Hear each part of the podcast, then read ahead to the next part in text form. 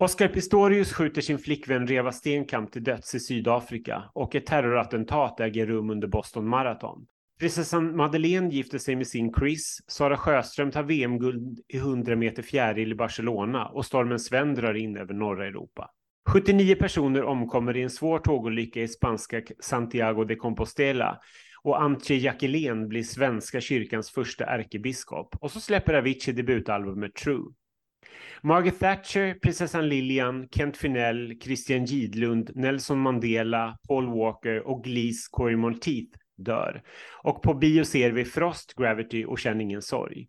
Hits från året är Wake Me Up, Wrecking Ball, Timber, Let Her Go, Uncover och Ylvis The Fox.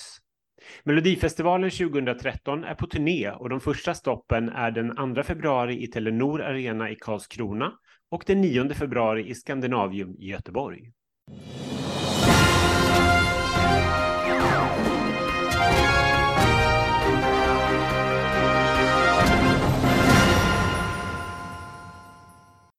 Hej allihopa och välkomna till ytterligare ett avsnitt av QX Schlagerprofilernas podcast. Den här podcasten som gräver ner sig i ett melodifestivalår. Ehm, och i det här avsnittet så har vi gjort en liten specialare. Vi har ju tidigare tagit oss an lite deltävlingar, men nu ska vi ta oss an två stycken eftersom vi tänkte att eh, det finns ju lite mindre att prata om när det bara är sju, åtta låtar i en deltävling och dessutom ingen omröstning. Så nu ska vi försöka trycka ihop två stycken deltävlingar deltävlingar i en. Och varför vi just valt 2013 då, det är ju för att det faktiskt är exakt tio år sedan nu när vi går ut på Melodifestivalen på turné 2023 som den här, eh, eller de här deltävlingarna gick av stapeln. Och vi är fortfarande jag som heter Ken Olausson och fortfarande Ronny Larsson. Ja, det här är lite spännande. Det här är lite nytt. Nya marker att trampa för oss. Eller ja, så jävla nytt är det väl kanske inte, men, eh, men det, är ju, det är ju den närmaste festivalen vi har gjort någonsin. Jag tror 2011 är väl det närmaste vi har varit och nosat på innan. Eh, så den ligger ju ganska nära i tiden. Ja, men verkligen. Eh, sen var det väl mitt krav lite grann att eh, när Ken ville dra in den tråkiga deltävling 1 2013 så propsade jag på att ta med Swedish Housewives-deltävlingen D2 2013. ja, det, det, det, är lite så att när jag, när jag började titta bara på, för jag tycker fortfarande att det är en väldigt kul idé att, man, att vi knyter ihop en säck på tio, att det verkligen är tio år sedan som det här hände, för det känns inte så långt bort tycker jag när, när man pratar om det här, att det, att det verkligen är tio år sedan. Men när jag också började titta på det så var det verkligen, jag har ingenting att säga, så hur ska vi få ihop en hel podd om den här deltävlingen i Karlskrona? Eh, så då blev det här faktiskt mycket roligare. Och eftersom vi vill knyta det då till första deltävlingen eh, 2023 så blir det också lite kul. För det första deltävlingen är ju dessutom i Göteborg 2023 så att vi tar den första och vi tar den första i Göteborg för tio år sedan och trycker ihop dem i en enda podd. Um, vad, vad, vad, tänker du på när du hör 2013? Gud, i stort så tänker jag inte på någonting. Det finns ingenting som jag riktigt kan hänga upp det på. Det var liksom de här hitsen som jag läste upp i början av podden. Så kände jag så gud vad bra musik var då. typ så. Och att många pe stora personer dog. Nelson Mandela och Margaret Thatcher. Och Kent Finell. Det är helt sjukt att det är tio år sedan som Margaret Thatcher dog. Det, det hade jag aldrig gissat om jag hade ramlat över det i, i en eh, quiz, quizfråga. Det jag minns främst om man ska ta det från ett melodifestivalperspektiv är väl att jag hade ju varit med och valt de här låtarna och det här var ju mitt, nu ska vi tänka 11, 12, 13, det var ju då mitt tredje år. Eh, och då hade jag ju först varit med ett år som jag fortfarande älskar, alla låtar som kom ut från 2011. Och sen varit med då året efter och valt fram Euphoria, så man kände ju lite att man var on a high. Och jag minns när jag kom ut ur juryrummet 2013 att jag bara, vad var det som hände? Och jag var så otroligt besviken och jag vet att jag pratade med eh, Eh, Nina, en kompis till oss, och Edvard af Silén som också satt i juryn båda två.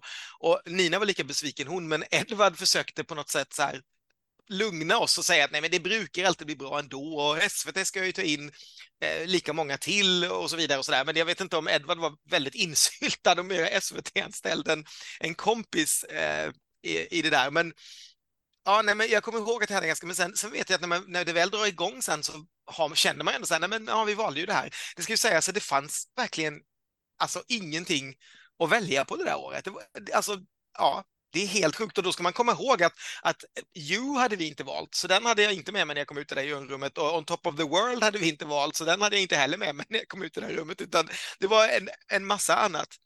bös. Och vi hade ju också dessutom, det här var ju första året som eh, också juryn fick bestämma den här märkliga wildcardet, där vi då valde Elin Petterssons Island, som inte vi kommer att prata om i den här podden. Och där har jag också ett starkt minne av Christer Björkman trodde hela tiden att den hette Island. Alltså eftersom det stavas likadant, Island och Island. Jag vet att han kommer och frågar mig så här, varför heter den Island? Hon sjunger ju inte det. Och jag bara, nej, jag tror att den heter Island, men hon sjunger inte det heller. Och fortfarande är det ingen som vet varför, varför det. Ja, jättekonstiga minnen, men, men det minns jag liksom från melloåret 2013. Eh, jag, innan vi gick in i det här jag är ju fortfarande lite arg för att jag håller ju, jag håller inte med. Det är ju svårt. För, jag har ju suttit i juryn en gång i alla fall. Du har ju suttit fler gånger. Eh, jag vet ju att det i alla fall fanns en låt med Magnus Carlsson som han släppte sen som heter Glorious. Eh, antingen på svenska eller på engelska, det vet jag inte, som inte valdes med, vilket jag tyckte var helt ofattbart. Sen har jag dessutom hört en, en Sandra Dahlberg-låt som inte valdes heller. Eh, så Ja, jag vet inte, jag vet inte riktigt varför inte... det, det, det har du faktiskt fel, för Sanna Dahlberg-låten valdes, men hon fick inte vara med sen, för hon eh, jobbade på TV4, så det satte SVT stopp för. Så den låten valde vi faktiskt. Lika intressant som sorgligt. Lika intressant som sorgligt. Hon får sluta och dela ut sådana här miljoner i något konstigt lotteriprogram så hon kan vara med. Eller ja, nu tio år senare kanske inte Sanna Dahlberg känns som det hetaste heta heller kanske, men Just bra det. låt minns jag. Ja, men apropå startfältet så kommer jag, kommer jag ihåg att jag, jag, jag var nog inte så missnöjd innan utan tänkte så här, men det blir säkert bra. Eh, mm. Det löser sig. Och jag hade ju en väldigt så framgångsrik plåtning med QX där vi plåtade alla på ett maffiatema, vilket var, vilket var en jättekul plåtning. Det blev två olika omslag med massor med olika artister.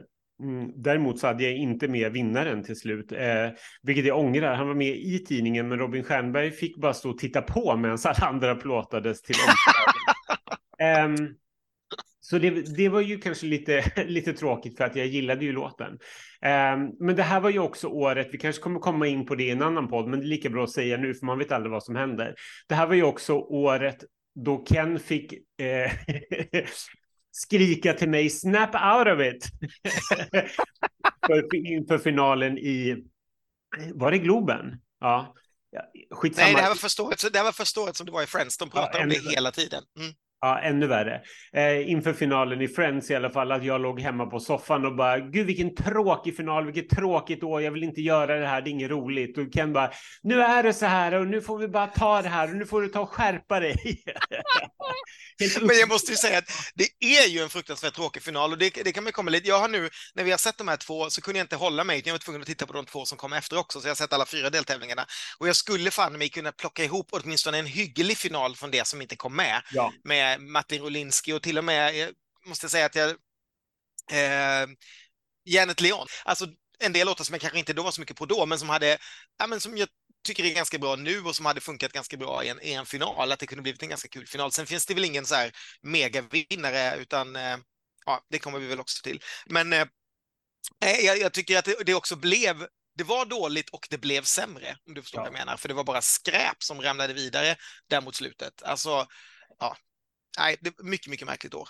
Men eh, vi kanske ska hoppa liksom till till Karlskrona först då, för att det är väldigt speciellt med Karlskrona för mig. Jag är ju född i Karlskrona och det här är sista gången som det har varit i Karlskrona. Eh, då, för tio år sedan, hade jag båda mina föräldrar i livet. Nu har jag ingen av dem, vilket också känns jättemärkligt hur mitt förhållande till Karlskrona har ändrats på tio år och allt vad det inneburit och sådär. Då hade jag liksom så dåligt samvete för att jag inte åkte hälsa på dem. Nu har jag väl ännu mer dåligt samvete för att jag inte gjorde det, utan för att jag ägnade mig åt att gå på fest på Marinmuseet eh, istället och titta på eh, Anna Järvinen. Ja, nej, men det är väl det, är väl det jag minns av som Karlskrona-delen. Och så minns jag, jag minns också att första dagen vi kom dit så var vi på det här artisthotellet och då var mitt jobb där också och hade någon sorts heldag. Så min dåvarande chef ville dra in mig i något rum och presentera mig och säga, ja, det här är Ken, man, han, är, han jobbar på samma företag som ni och han, han kan dessutom vara med i Melodifestivalen. Men då var jag tvungen att säga nej till det, för vi skulle intervjua Mary and Die. um, vilket i och för sig var, var rätt skönt. Och den intervjun sen, med Marian Dyer vill jag också påpeka är kanske en av de jobbigaste som du har gjort, för då hade vi kommit på den här idén att vi skulle ha en burk där människor hade skrivit frågor på lappar och lagt i burken. Och vi visste inte vad de hade skrivit för frågor, för att av någon anledning så hade vi inte läst frågorna innan, utan de hade fått skriva sina lappar när de tog de här, eh, det här omslaget som du pratade om innan. Och så skakar vi helt enkelt runt burken och eh, Mary var ju då den första som körde på det här konceptet och tar upp en lapp och läser frågan när hade du analsex senast? Som då, jag ska inte säga vilken artist som hade skrivit det, men det namnet stod också där.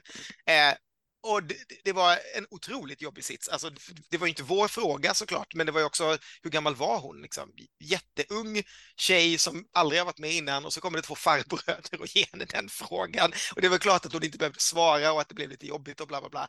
Men jag bara kände, hur, hur kan ett koncept misslyckas så från första början? Det liksom kunde inte blivit sämre. Men det hängde kvar sen ändå. Vi lärde oss att man kunde läsa frågorna innan man stoppade dem i burken och eh, sortera dem lite och sådär. Men eh, mm, det, det är mina tunga minnen från Karlskrona 2013 innan. Ja, men det var ju, det var ju ganska mycket ändå. Eh, det jag mm. minns främst var väl att eh, den här första efterfesten i, eh, eller det var väl en kväll, jag kommer inte ihåg om det var efterfesten, det var nog inte efterfesten. Det var en kväll i Karlskrona i alla fall då jag hamnade i en, i en het diskussion på ett hotellrum med en skivbolagskvinna Eh, som, eh, min, min ståndpunkt var att eh, Charlotte Perrelli och eh, Erik Gadd var ungefär på lika nivå. Att det var liksom så här, två artister som var hyfsat folkliga som kunde göra samma typ av spelningar och tjäna massor med pengar på det.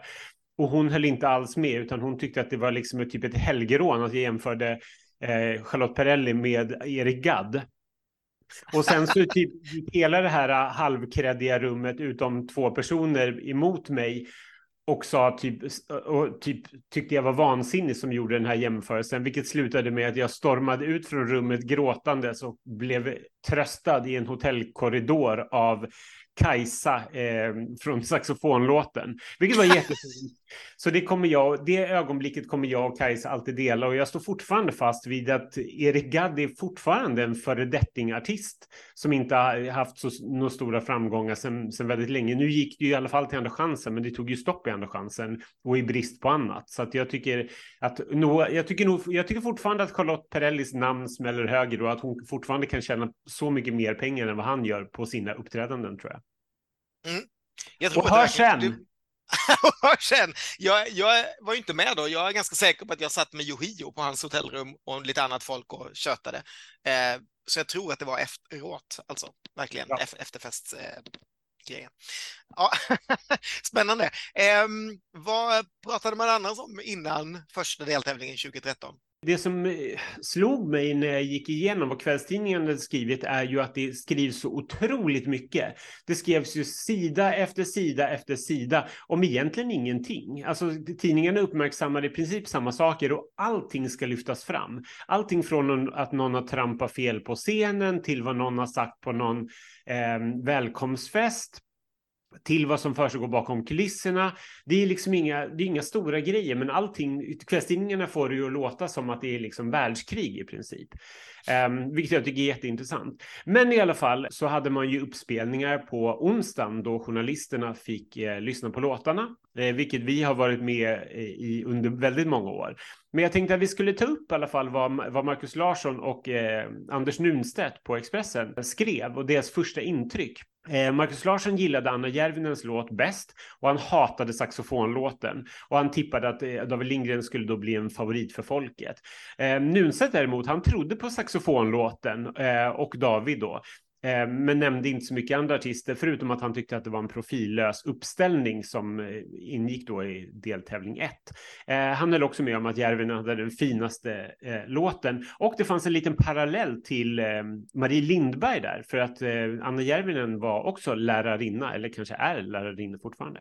Annars skrivs det också om att Yohio tar två till tre timmar på sig att göra sig i ordning innan han står på scenen. Han har två stylister med sig, en som sköter håret och en som sköter sminket. Varje nummer i Melodifestivalen får eh, 75 000 kronor att göra vad de vill med och 12 500 går till artisten. Det här är ju bara småpengar för det räcker ju ingenstans i princip. Um, en intressant grej är också att redan på onsdagen så kör Aftonbladet en artikel om det här eh, stora mellanaktsnumret som vi kommer komma till längre fram där Lena PH och eh, Christian Lok medverkar. Vilket gör att det blir ganska trist då när de dyker upp på scenen, att man vet om det om man har läst kvällstidningarna.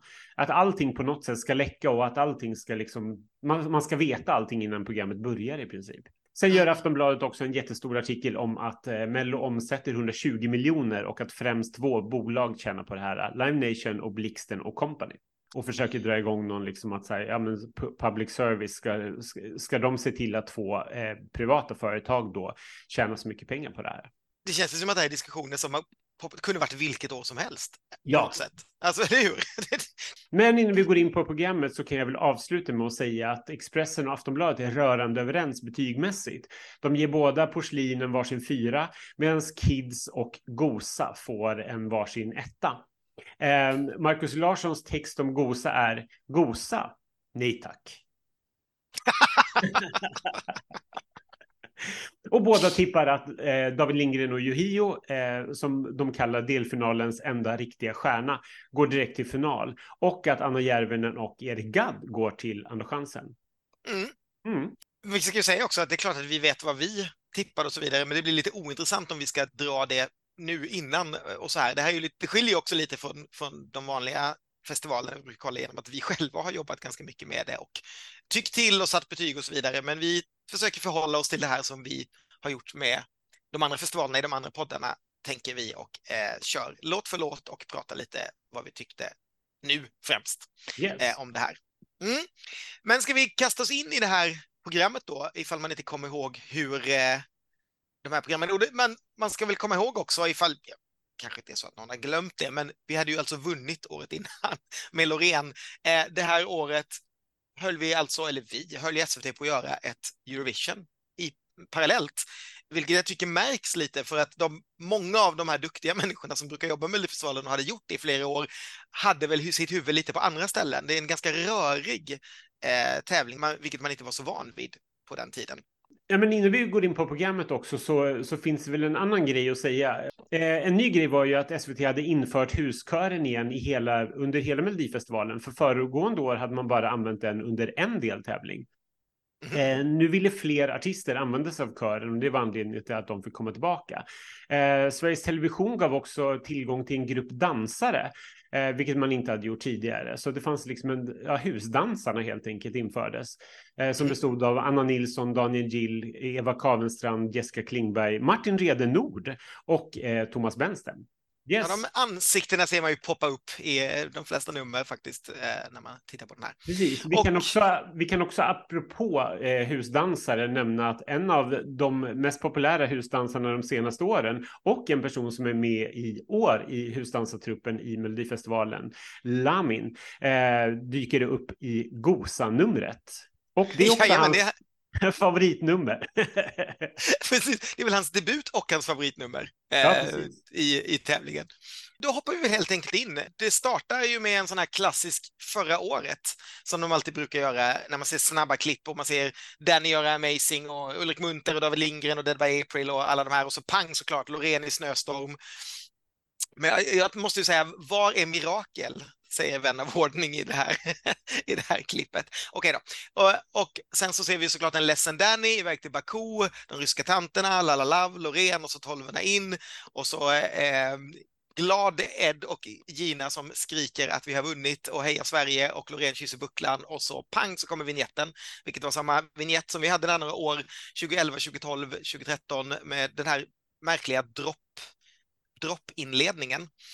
Och sen har vi då första numret. Det börjar med ett eh, nummer med Gina eh, med startljudet i Euphoria, vilket är lite häftigt, för det ljudet känns som det används ganska ofta numera för starter i, i eh, Melodifestival och Eurovision. Det har blivit lite legio, det här Euphoria-ljudet. Eh, och det börjar då med Gina som gör eh, samma dans med en ny text som handlar om hennes lön. Då. Hon hade ju varit programledare året innan och kom nu tillbaka, vilket ju inte var jättevanligt. Det hade väl ingen gjort sedan Christian Lok. Och då hette den istället för Euphoria hette den Vad får jag? Vad får jag? Um, och sen får hon också en blinkning då till att hon är ju inte Petra Mede, så hon kan ju inte hålla i det själv, vilket är ju såklart en, en grej till att det hade blivit ganska uppmärksammat att Petra skulle hålla Eurovision alldeles själv, eh, vilket ju är otroligt ovanligt.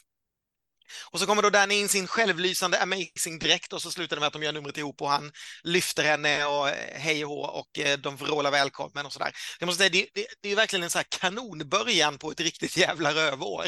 Det börjar med en, med en smäll där man får igång stämningen. Vi alla vet varför vi är där, att vi har vunnit, att vi ska göra det och det är det vi ska hitta vinnaren till och alltihopa. Man bara, ja, men så är det verkligen. Jag håller helt med. Jag blev så glad över den här starten. Det är så otroligt bjussigt också av Danny med tanke på hur missnöjd han var eh, förra året. Att han går in här, vilket jag antar är helt Edward af Silens förtjänst. Men att han går in i numret i Amazing-dräkten och liksom driver lite grann med att han kom tvåa och hela den grejen. Um, sen måste jag bara säga, gud, visst slås man över hur mycket jävla rosa ballonger det är? Ja, eller hur? Ballongfest liksom. det är fruktansvärt mycket ballonger. Det är som att SVT har kramat ur ballongbudgeten extra mycket just 2013. Väldigt mycket ballonger. Um, nej, men det, det, är som du säger, det, det känns väldigt härligt med Danny och Gina och visst, han är ju lite trevande Danny, det här är ju hans första programledarjobb eh, och så vidare, men jag kommer ihåg att man, det var, folk var mycket elakare mot honom än vad jag tycker att det är lite förtjänat. Det är klart att han är, han kan inte leverera manus som Gina, hon har det ju i ryggmärgen på något sätt sedan året innan. Det är också en ton i manuset som såklart är mycket Edward som jag saknat så fruktansvärt mycket märker när jag säger det här. Det börjar ju till exempel med att Gina säger att ja, sist, sist eh, vi var i Karlskrona och eh, hade Melodifestivalen så gick Charlotte Perrelli vidare med Hero, så nu får vi se om vi hittar en ny 18 plats till Eurovision ikväll. eh, och, det, och det, just det där att man vågar vara lite elak mot artisterna, mot programmet, att det inte är så jäkla barnprogram och mellanmjölk. Eh, och ja, ja, det här kan vi ju orera om i timmar, men SVT har ju hävdat de senare åren att de inte vill jobba med humor.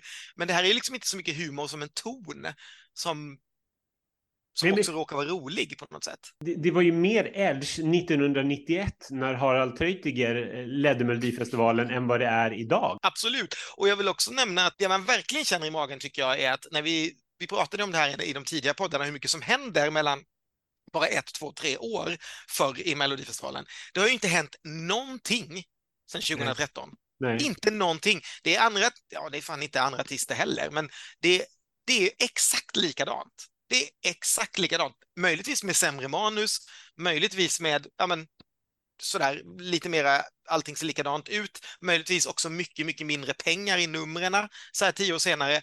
Men det känns som att allting bara blivit li lite tråkigare Ja, en lite tråkigare version av det vi såg för tio år sedan, tycker jag. Mm. Att man Urvattnat. Direkt, urvattnat, ja. Och det är ju lite tråkigt kanske. Sen är ju då som sagt musiken kan vi ju diskutera och det kommer vi snart att göra. Artistpresentationen då, som vi hoppar in. Eh, de Snark. ropar ju... Snark!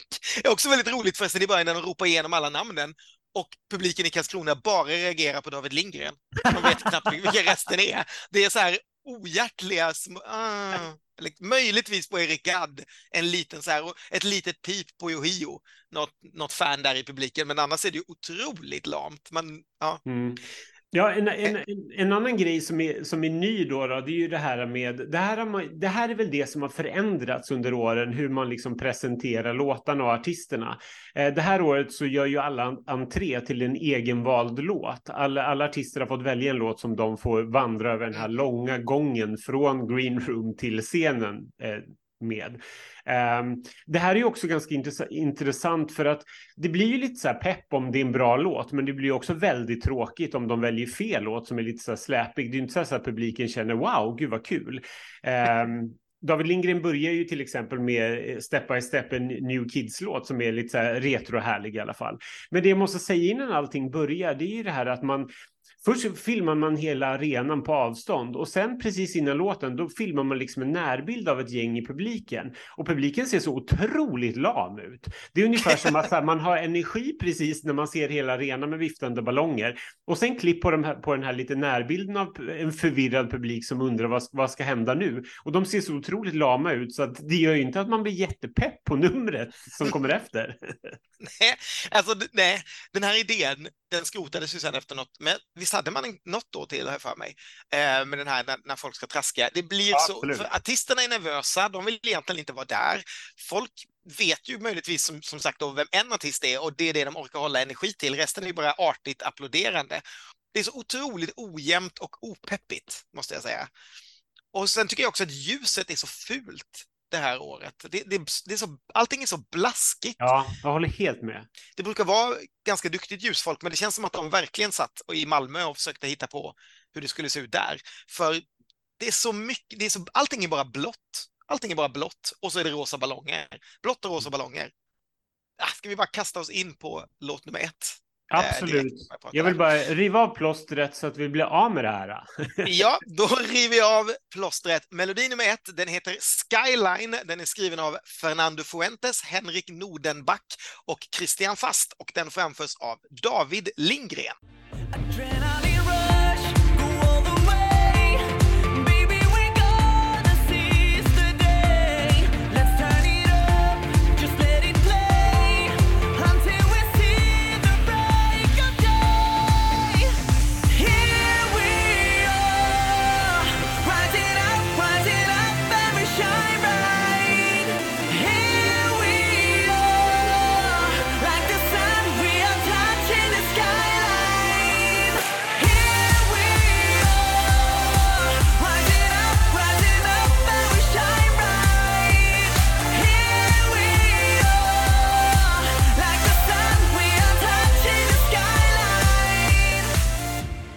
Ja, jag vet inte vad jag ska säga. Jag förstår till 100 procent att David Lindgren är tillbaka i Melodifestivalen efter succén eh, från året innan. Men jag tycker att den här Skyline är ju hans överlägset sämsta låt. Den, det här är verkligen en så generisk danslåt som är stöpt i form 1A från den här tiden, hur, hur liksom så här dansmusik skulle låta. Det är så otroligt oihågkombart. Jag, jag tycker den bara pålar förbi. Och sen det här Judia-numret då med så här coola manliga streetdansare och ett dancebreak eh, alla amazing. Och låten är så otroligt tjatig. Det mest spännande med det här numret är ju att eh, David Lindgren har en gul näsduk i höger bakficka, vilket betyder att han vill bli kissad på. Eh, en detalj som Tobbe Ek såklart snappade upp under en repetition. Men jag, nej, jag tycker verkligen att det här är, oh, vilken stor axelryckning och vilket, vilken trist inledning. Det är, så, det är generiskt, generiskt bara. Det är otroligt generiskt. Den vill så gärna vara amazing. Speciellt med det där orimliga dansbreaket. Alltså så här tio år efter så känns det ju, varför hade vi sånt mitt i ja. låtar då? Otroligt konstigt. Um, och förlåt, det är inget fel på, på David, men han, är ju, han är ju liksom mer en programledare och musikalartist än en tuff popkille. Ja. Han ser ju ut som en, liksom en liten revisor också i de där kläderna. Och så gör man en sorts stor grej också, att man i slow motion ska ta av honom västen och ta på honom den igen. Det i det här dansbreaket. Kunde man inte bara vänt den ut och in då, så att vi åtminstone förstod varför den ska vändas på? Nu, det, nej, jag, jag, förstår inte riktigt det där. Det, det, finns, det är lite kul effekter, ska jag ge dig, i, i numret. Lite så här krossat mm. glas och när de hänger upp och ner, när kameran snurrar runt och de, de gör en grej verkligen som att de håller på att ramla av scenen. Det är fin, Det, de, det är två kul grejer. Men annars alltså. Det, det och några av de där, jag då som riktar mig in på dansare, några av de där dansarna vet jag inte om vi har sett varken förr eller efter. Det är också lite intressant, för det brukar oftast vara ganska samma dansare. Det kanske är sen husdansarna mer blir etablerade, men här är det ju verkligen dansare som jag inte har sett eh, tidigare eller efter. Jag tror att det är en och annan som man kan, som man kan känna men jag håller med. Det är nog liksom hans polare typ. Nej, jag bara, det är tråkigt. Tråkigt. En sak vi kan ta upp här kanske är ju att låtskrivaren Fernando Fuentes då, han var ju med i första omgången av Fame Factory. Ehm, de åren när jag satt i juryn i början så skickades han in väldigt, väldigt mycket låtar. Jag tror att han otroligt många demos också med, med honom själv som artist som aldrig kom med, men hans namn var på väldigt mycket eh, låtar. Han skrev ju bland annat Christian Waltz låt 2011 mm. och sen då hade han ju skrivit Shout It Out året innan till David Lindgren, så det var väl därför också som David valde just eh, honom att skriva igen. Medan Henrik och Christian, de här andra två låtskrivarna, de var med för första gången och har bara varit med en gång till eh, sen dess. Vet du vad det var? Nej. 2017 så skrev de tillsammans med danska Tim Cho, han som var med i Friends in London, så skrev okay. de Kiss You Goodbye till Anton Hagman. Låten som även är känd som Loreen-dödaren, eller i våra kretsar som Anton Hagmans enda rimliga låt i Melodifestivalen. um, men vi lämnar David Lindgren och så hoppar vi in på Låt nummer två, där blir det lite kändare låtskrivare. Låten hämtar nämligen Burning Flags. Låtskrivaren är Fredrik Kempe och artisten är Cookies and Beans.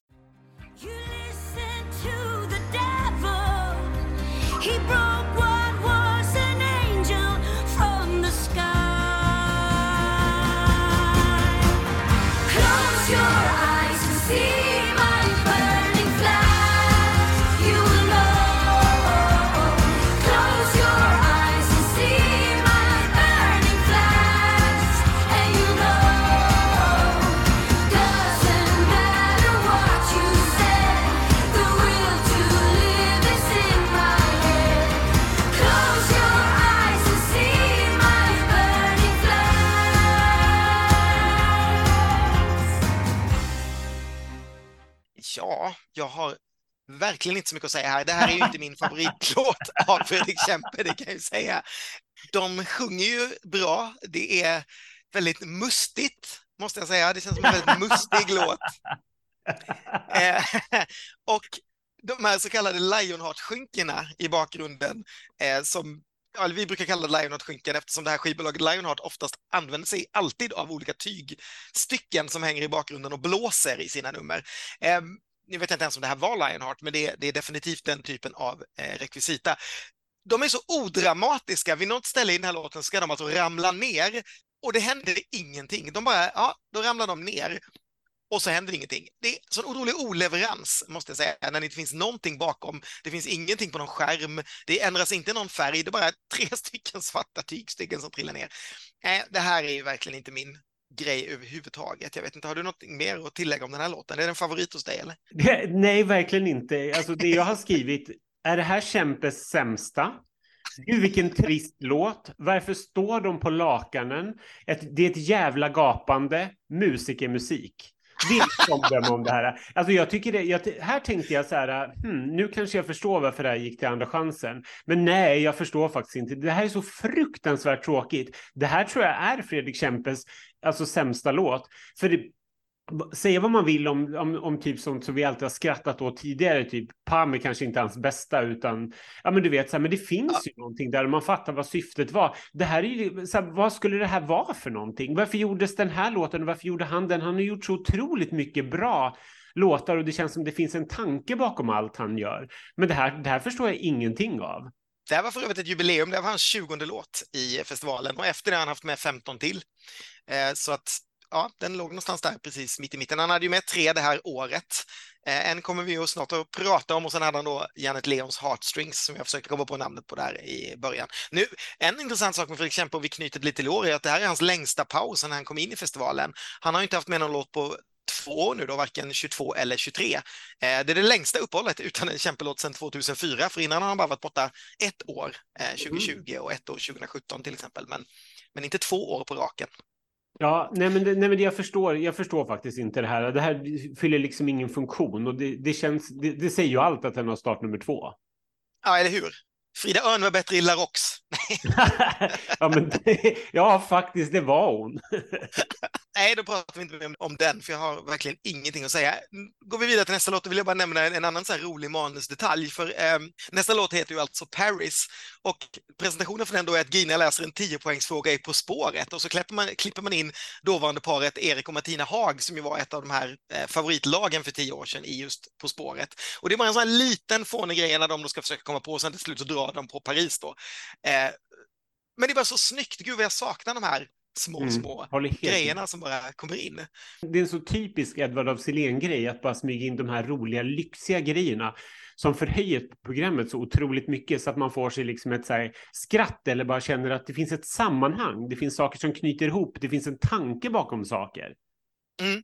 Och jag hade nästan glömt hur bra Gina var på att leverera det här, för man har blivit så fast i hur Petra sen också levererade eh, just för hennes liksom, två. Eurovision-delar. Mm. Men, men Gina är ju faktiskt grym här också på, på att leverera de här manusen.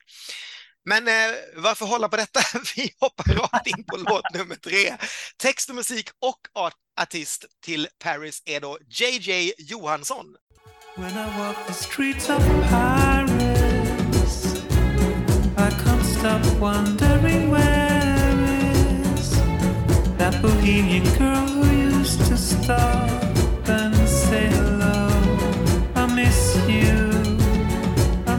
when I walk the streets of Paris. I can't stop wondering where is a peculiar girl who'd follow where the wind would blow. I miss you. I head up towards Pigalle. Nej, men alltså, när man, när man inte trodde det kunde bli sämre, eller nej, förlåt, när Ronny Larsson inte trodde att det kunde bli sämre. David Lindgren, ingen stor favorit. Cookies and Beans, urtråkiga låt. Och sen det här som låt nummer tre. Här, vill, här var ju till och med jag redo att ge upp Melodifestivalen, ett, ändå ett inbitet fan. Eh, gud vad jag inte tycker att det här... Jag förstår liksom att han är med, Eh, och att det, att det har valts ut för det är liksom ett så här kredit, kreditnamn kanske.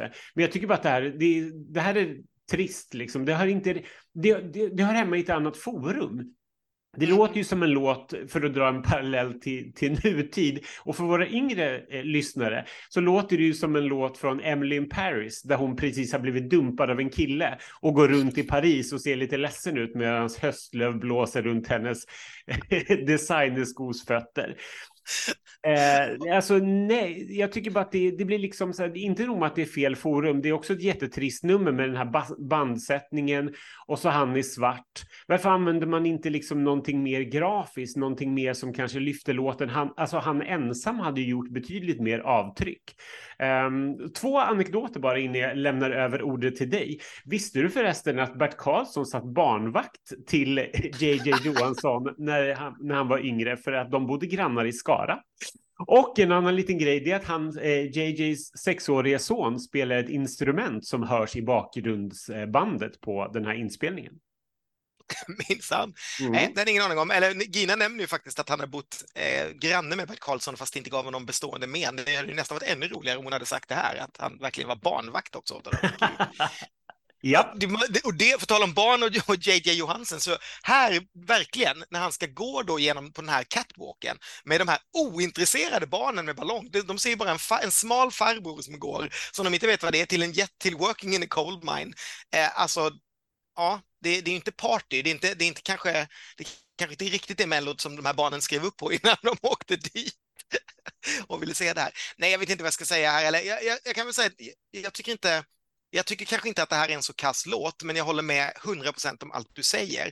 Den är ju jättesöt och i ett sammanhang med kanske flera glada hits, eh, bättre andra låtar, så hade den varit en helt suverän start nummer två som var där för att komma eh, sju eller åtta för att bredda utbudet och så vidare på namnet och allt, allt det du säger. Men eh, nu, nu blir det bara tråkigare och tråkigare och som du säger också, otroligt tråkigt att titta på. Hur gör man ingenting? Jag menar, Gud, hade det här varit med Emily in Paris, då hade hon i alla fall haft en randig tröja och baguette under armen och Eiffeltornet hade farit förbi. Liksom. Jesus. Äh. Man vill liksom bara göra, man vill bara göra om det. Man förstår varför det är där, men man vill bara göra om det för att det skulle bli liksom lite mer tillgängligt. Ja, och sen en sak som jag också tänkte på, det jag pratade innan, dels ljuset som är jättefult, mörkt och blått och blaskar i, i rutan. Att ljuset känns typ fysiskt på något sätt. Man, man känner ljuset, vilket man inte ska göra. Det är ljudet, för man hör instrumenten på scen och de är inte ikopplade utan man hör alltså någon som bankar på trummor någonstans. Det är klart att de står där och låtsas spelar och det ljudet går in i JJs mikrofon så att man, det, det blir världens konstigaste. Det är det, det riktiga backtracket, alltså det elektroniska som man vill höra. Det ligger ett snäpp bakom och sen hör man de här fake-instrumenten och bandsättningen. Eh, över det. Det är otroligt dåligt ljud. Så inte det att, att bara låten är tråkig och att numret är tråkigt. Dessutom är de som gillar låten eller kunde gilla låten, de får dessutom en jättedålig version av den att lyssna på. Mm. Äh, det, här, det här är helt fel och det är helt dödsdömt. Eh, ja. Rakt igenom. Äh, men då går vi väl från en Ronny-favorit till en annan. Melodi nummer fyra, den heter Gosa. Den är skriven av Johan Åsgärde, Mattias Frändå och Mary Ndaye och artisten är också Mary Ndaye.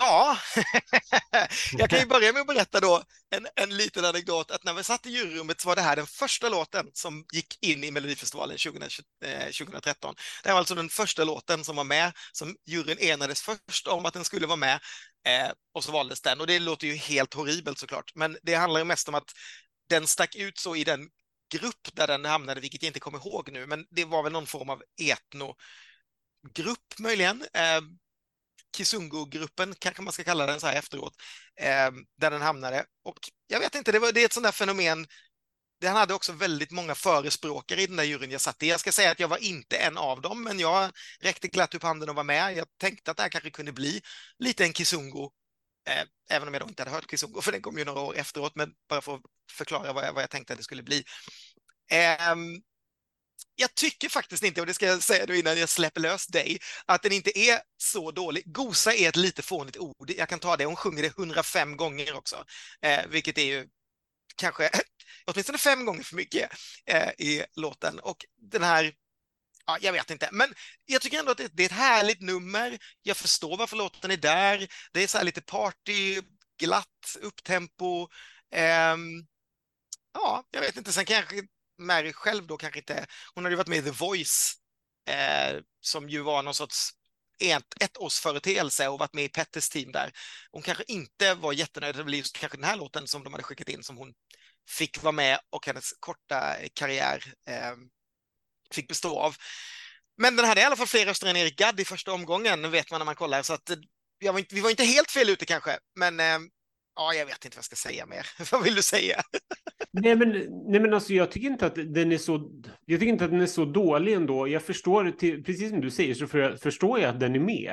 Eh, det är bara det att jag bara klarar inte av ordet gosa. Det är så otroligt töntigt. Så, och det som hon då pratar om innan i kvällstidningen om att det lät så roligt och charmigt och så. Jag bara tycker det är irriterande.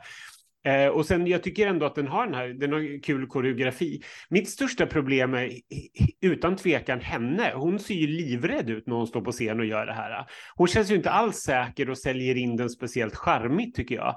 Ehm, eh, hon, hon, sjunger också halvdant. Eh, och in, inte speciellt, alltså hon är inte speciellt säker. Ja, det, det, är klart att det kan bli så här när det är en debutant i de här sammanhangen och att hon kanske inte hade gjort så mycket innan. Men eh, det är väl mest det, att jag bara, den tappar liksom den här charmen som jag tror att ni hörde i juryrummet. Mm. Man kände att det här kunde bli rätt härligt. Så kände jag bara att nej, jag vet inte. Nej, det känns som ett, ett litet felsteg att artisten kanske inte riktigt vet vad hon vill med sin hon karriär och så får den här Nej, jag håller med dig helt. Jag, jag, tror också att hade det varit en säker artist, hade det varit en, en Saraha, så hade den säkert varit i andra chansen. Mm. Eh, för att det finns liksom ingen, ja, det fanns ju inte så mycket mer än de här två låtarna i toppen, kommer vi att komma till snart. Eh, men eh, ja, jag kan också nämna då att de här två låtskrivarna som har skrivit låten, Johan Åsgärd och Mattias Frändå, de har haft med varsin låt till efter det. Eh, eller Mattias hade skrivit Kyss mig till Axel Almark, så det var enda han har varit med. Han fick inte vara med efter Gosa. Men Jonas Åsgärde skrev Songburning 2018. Mm, heja. Också. Vi kan ju också nämna att eh, personen bakom numret heter Nicky Sapos eh, som har koreograferat det här. Och Mary själv då tänkte och trodde att det här skulle bli en, en riktig barnhit och att koreografin är så pass lätt så att alla kunde göra den. Och folk hade också under veckan kommit fram till henne och sagt att vi har lärt oss koreografin. Man undrar vilka som hade lärt sig koreografin för det är ingen som har sett det här.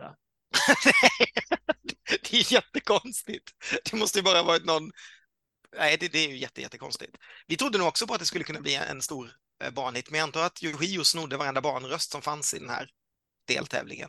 Mm, eh, och det här är ju dessutom före appen, så att man fick bara ringa in på en, oftast misstänker jag, om man var barn. Mm. Och eh, apropå snodde alla barnröster, det gjorde väl knappast nästa artist?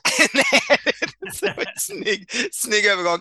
Eh, nästa låt, melodi nummer fem, heter nämligen Vi kommer aldrig att förlora. Den är skriven av Thomas Stenström, Jakob Olofsson och artisten själv, Erik Gadd.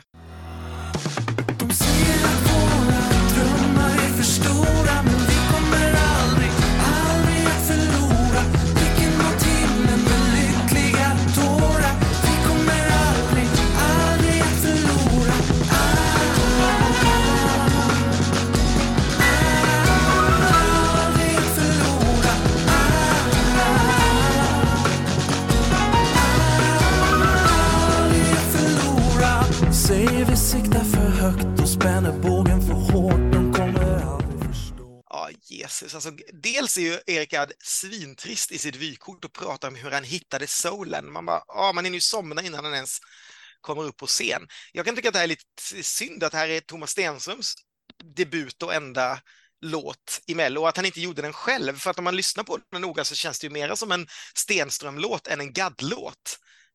Um, och ja, Jakob Olofsson som också varit med och skrivit låten, han har skrivit till Dua Lipa. Han skriver ju Electricity mm. till exempel och vunnit en Grammy för det och sådär. Så det är ju, det är nog kanske inte något fel på låten egentligen, men det är ju jag tror att det, det, finns några ögonblick där jag känner också så här, varför Erik Gadd är en stor artist, där man hör liksom rösten som den lät när han var som störst. Men annars så blir det lite farbrorvarning på det här, tycker jag. Ännu en gubbe med band, inte mycket att skriva hem om. Det är väl okej okay att han kom till andra chansen kanske, men nej, jag vet inte vad jag ska säga. Jag, jag hade nog tyckt, det hade nog kunnat vara lite fräscht med Stenström, även om inte jag hade fattat vem det var då, så hade det ändå kanske känts lite, lite roligare. Eller jag vet inte. Jag tycker bara att det är så fel. Det är också så fel uppdelat. Det måste, alltså just den här deltävlingen framstår ju som urtråkig. Det är liksom mm. så här, Burning Flags urtråkig, JJ Johansson, Johansson jättetråkig, Erik Gadd jättetråkig och däremellan liksom så här väldigt så här bleka grejer som David Lindgren och Gosa. Mm. Eh, det, det, jag förstår liksom inte så här, varför JJ och Erik Gadd med i samma deltävling. Det tycker jag bara känns jättetråkigt. Eh, jag, bara, jag håller helt med. Det är så här, bandsättningen blir ju trist. Och jag håller med, alltså, så Erik Gadd, det är klart att han är en bra sångare och att det var mycket skönare när han höll sig lite grann på soulspåret. Det är så anonymt tycker jag bara. Det är bara en mm. så, så, stor axelryckning. Eller som jag sa i, i vår spalt då i Aftonbladet som vi hade där vi varje vecka tyckte till om tre olika saker inför kommande vecka. Den här svenska parmiddagspopsoulen är anonym och oinspirerad. Nej, den här gadden saknar sting. En liten anekdot bara är att eh, Erik Gadd under framträdandet har eh, sin mobil i fickan så att han känner sms-vibrationerna från folk då som messar in under hans framträdande under hela hans framträdande. Ska ja. vi lämna Erik Gadd? Tack, gärna. Tack gärna. Då vill jag, måste jag bara nämna hur nästa artist presenteras av Gine, för det är så fruktansvärt roligt. I år tävlar en artist som har fått många kommentarer om sina försök att se ut som en flicka.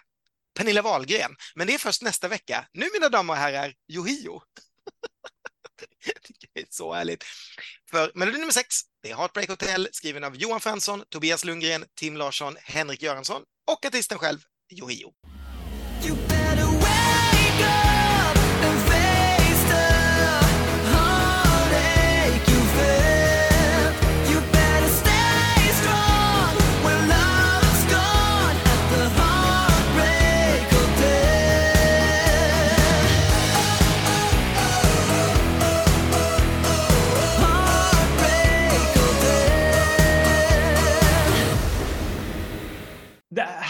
Här, förändrar jag min, min åsikt. Jag förstod inte alls det här när vi var i Karlskrona. Eh, jag tyckte att det var så här, oh, det här var väl inget bra alls. Liksom. Eh, men nu förstår jag hela grejen och jag är nog ännu mer på spåret, vilket vi kanske skulle komma till längre fram, att det här skulle ha vunnit istället för att det hade stuckit ut betydligt mer än vad Robin Stjernberg gjorde. Eh, låten är ju liksom en rock, rock, vad säger man, en rockpaketerad slagelåt egentligen. Den är ju väldigt enkel, så jag fattar ju att folk tog till sig den. Och det är ju förpackat så otroligt genialt med Yohio som den här lilla mangafiguren i mitten. Jag tycker han, han sjunger bra, jag tycker han har star quality, det händer någonting här. Eh, så jag är inte alls förvånad över att det gick så bra som, som det gjorde. Eh, men visst känns den väldigt finsk? Ja, den känns ganska finsk. Och det är så roligt att min text i mitt manus är så här. Här kommer nog en av de största pudlar jag gjort i hela min schlagerprofilerna-karriär. Yohio borde vunnit 2013 och då mm. älskar jag You och Robin men jag tycker, och jag tycker det är en bättre låt. Absolut. Men när jag ser Yohio här och nu med facit i hand eh, och med vänner jag lärt känna de senaste tio åren som är en generation under mig så hade detta varit ett fenomen i Eurovision 2013 som vi hade kunnat vara väldigt mycket, väldigt stolta över eh, från mm. Sverige tror jag. Och då var jag precis på ditt spår är där. Men jag har ju alltså träffat personer jag jobbar med, straighta män som är väldigt inne i vet, den här mangakulturen som typ tycker Yohio är det snyggaste som finns och som tycker att det där, alltså hela den kulturen var så fascinerande och som var helt besatt då, då var de ju väldigt mycket yngre, eh, av det här. Och det hade ju varit häftigt att få skicka ett fenomen, ett sånt fenomen, för det, det har ju aldrig, den kulturen har ju aldrig synts i Eurovision vad jag vet. Jo, sen kom väl hon tyskan något år som också körde någon sorts japansk variant och kom absolut sist. Men, men det här tror jag hade funkat. Det här tror jag kunde varit, alltså det hade nog inte vunnit, men det kunde ju varit topp fem säkert det året. Det skulle inte förvåna mig ett dugg. Um, Nej, men, men precis så är det ju. Det enda som stör mig med det, eller det du sa, det är just det här att folk tycker att han är så, så otroligt snygg. Eller någonting, liksom att man attraheras av det. För det tycker jag är lite så creepy. Det ser ut som ett barn. Punkt slut. Ja, det är, det är ju det är creepy. Det är väl liksom just det är ju den här märkliga japanska seriefigurkulten där det är ju typ, alltså den är ju, det är ju otäckt allt, allt det där, liksom ja. sexualiserade barn-grejen, den är ju otäck i sig. Um, så det vill, det vill jag inte gräva i, i mera, men, men jag förstår exakt vad du menar. Men eh, nej, alltså det här är verkligen en pudel från, från min sida också. Mm. Det borde varit mycket mer på det här tåget. Minns du förresten att det under den här deltävlingen gick rykten om att, att, att Johia hade en flört med Malin Olsson? Eller att eh, han i alla fall var väldigt förtjust i henne för de hade, de hade träffats och intervjuat och hade stått väldigt nära varandra och pratat. Jag vet inte om, om kärleken var, var besvarad. Det låter lite grann som att Johio skulle kunna ha varit kär i Malin Olsson i alla fall. Och ärligt talat, vem blir inte kär i Malin Olsson efter att ha träffat henne? helt, helt riktigt. Jag blir dessutom kär i konfetti. Jag saknar konfetti och då är det ingenting den här veckan mot konfetti som kommer i, i, i deltävling två. Men eh, numren var så härliga bara på den, på den tiden. Eh, här ska jag inte rabbla några vad låtskrivarna har gjort. Vi vet vad de här grabbarna har gjort en hel del. Det här är deras enda silver dock. Som de har. De har ju ett guld med Martin Stenmark och så har de väl ett brons med Alcastar och det här är deras silver. De har hela, hela prispallen hemma. Ja, men precis. Eh, och innan vi lämnar det här då, och jag måste bara säga att numret är ju, det sticker ju ut otroligt mycket så att man, man fattar ju hela grejen så otroligt tydligt att här händer det någonting efter x eh, antal bandsättningar och afrikansk dans. Eh, så vill jag bara nämna, visste du förresten att Yohios farbror är med i Takida? Nej, det kanske jag visste då, men, nu när du, men nej, det har jag glömt bort. Ja, Minsann. en liten anekdot. Svensk rocksläktskap.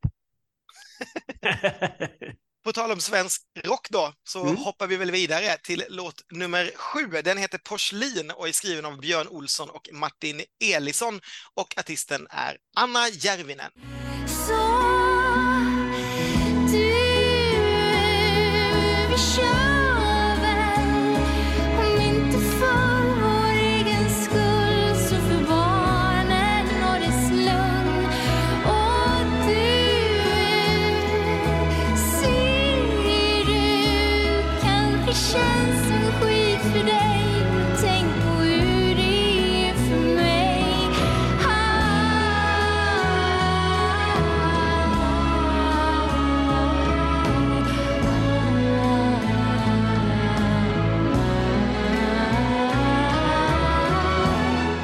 Ja, här behöver inte jag pudla på något. Eh, jag tyckte då att det var en av 2013 eh, års allra bästa låtar. Jag tycker fortfarande att det här är en av de finaste små ballader som varit med. Skämmes, säger jag fortfarande till alla er som inte röstade på det här. Eh, och den, en sån här låt på svenska, det skulle jag vilja ha nu i Melodifestivalen. Kanske hade folk varit lite mer öppna för det också. Jag tycker, jag tycker allt här är som det ska vara dessutom. Stiligt, liten huggig skäggpianist och snygga stråkar och Anna ser så här härligt indiefinsk ut och traskar in till Stormskärms-Maja av Lasse Mårtensson. och så skriven då för, av Björn Olsson som bland annat varit med i Soundtrack of Our Lives och då Martin, eh, Martin, Martin Elisson från Hästpojken som dessutom står och ser alldeles förvirrad ut i en helt gulligt bortkommen. Nej, jag tycker fortfarande att det här är en jätte, jättefin låt. Eh, sen är det inte så svårt kanske att förstå varför folk missar den. Det är ju inte lätt tillgängligt och jag tror att man var van vid en helt annan typ av musik också för tio år sedan i Melodifestivalen. Eh, men eh, nej, jag tycker fortfarande att det här är bortslösat på något sätt. Ja, men jag håller helt med. Det här är ju deltävlingens klart bästa låt, en låt som jag fortfarande tycker är jättefin. Och jag har för mig i alla fall att jag tyckte det redan då. Däremot så kanske jag är lite mer... Man fattar ju också... Jag fattar tydligare varför det här inte gick vidare. Mm. var ju väldigt nervös inför att hon skulle göra det här och man hörde knappt vad hon sjöng, vilket kvällstidningarna skrev ganska mycket om. Att, framförallt Markus Larsson vet, jag nämnde det flera gånger, att han tyckte att låten var jättefin, men att det blir mest lite mumligt och man hör inte orden riktigt tydligt. Och det här är ju en sån otroligt fin text, så det är så viktigt att man hör exakt vad hon sjunger. Sen är det ju kanske ett problem när man inte ser ut som en ljuv kvinna med eh, fläkt som blåser i håret, alla Sanna eller Sonja och så, som kanske mellopubliken var vana vid. Att hon har den här liksom lite kärvare stilen. Men det ska ju inte spela någon roll egentligen, för jag tycker att låten är så otroligt fin och hon är ju en artist på ett helt annat sätt. Så jag tror absolut att det här funkat mycket bättre idag än vad det gjorde då. Mm, du har absolut rätt. Jag menar, det är bara att titta på Cooks and Beans som ser mer ut som de artisterna du precis nämnde och, sjöng, och sjunger inte någonting alls, alltså i den texten. Förlåt Fredrik, men den, den texten säger ju ingenting. Men det gick ändå till andra chansen och Anna kom väl näst sist. Ja, precis. Ja, jag eh, kommer ihåg, det här var ju en favorit till dig och mig och jag kommer ihåg att jag blev så otroligt, man hoppades väl ändå på att det skulle fungera, men den var ju vrålsist i publikundersökningen. Den var ju till och med under JJ, i den undersökningen som gjordes efter eh, genrepet. Men det här är ju också ett sånt otroligt eh, misstag att stoppa den här i första deltävlingen. Mm. För här, publiken är inte redo för sånt här i första deltävlingen. De vill ha lättillgängligt namn man känner igen och inte så eh, komplicerat. Det här skulle vara typ deltävling tre eller fyra tycker jag. Den mm. missgynnas ju otroligt mycket av, av att gå ut först här i det här. Och där man, där man redan tycker att ganska mycket är tråkigt och Juhio precis har varit och det hände någonting. Och sen kommer den här 42-åriga kvinnan och, och, och sjunger en, en ballad om att man bör hålla ihop för barnens skull. Mm. Typ så. Det sjuka är att jag trodde det funkat jättebra om den hade kommit i år för, och legat på exakt samma plats som Cornelia. Du vet när det öppnar upp för folk är sådana, bara, ja, men här brukar det ju ligga någonting bra, det vann ju för, ja titta, här ligger den. men det var man ju absolut inte van vid då. Ja, men det är mycket möjligt. Eh, jag kan ju också passa på att nämna mannen på pianot. Kommer du ihåg att han var en före detta gigolo? Visst är det? Greg Fote, han hade skrivit en bok om sina erfarenheter som, från livet som gigolo.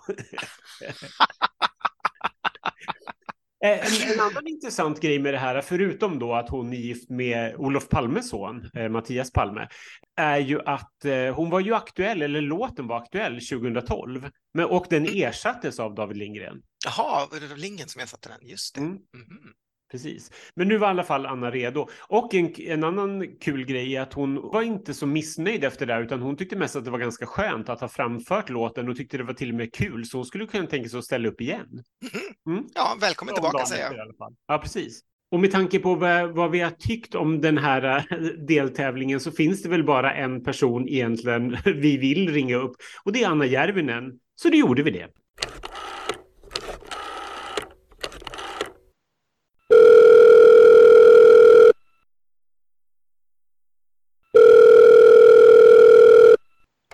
Hallå?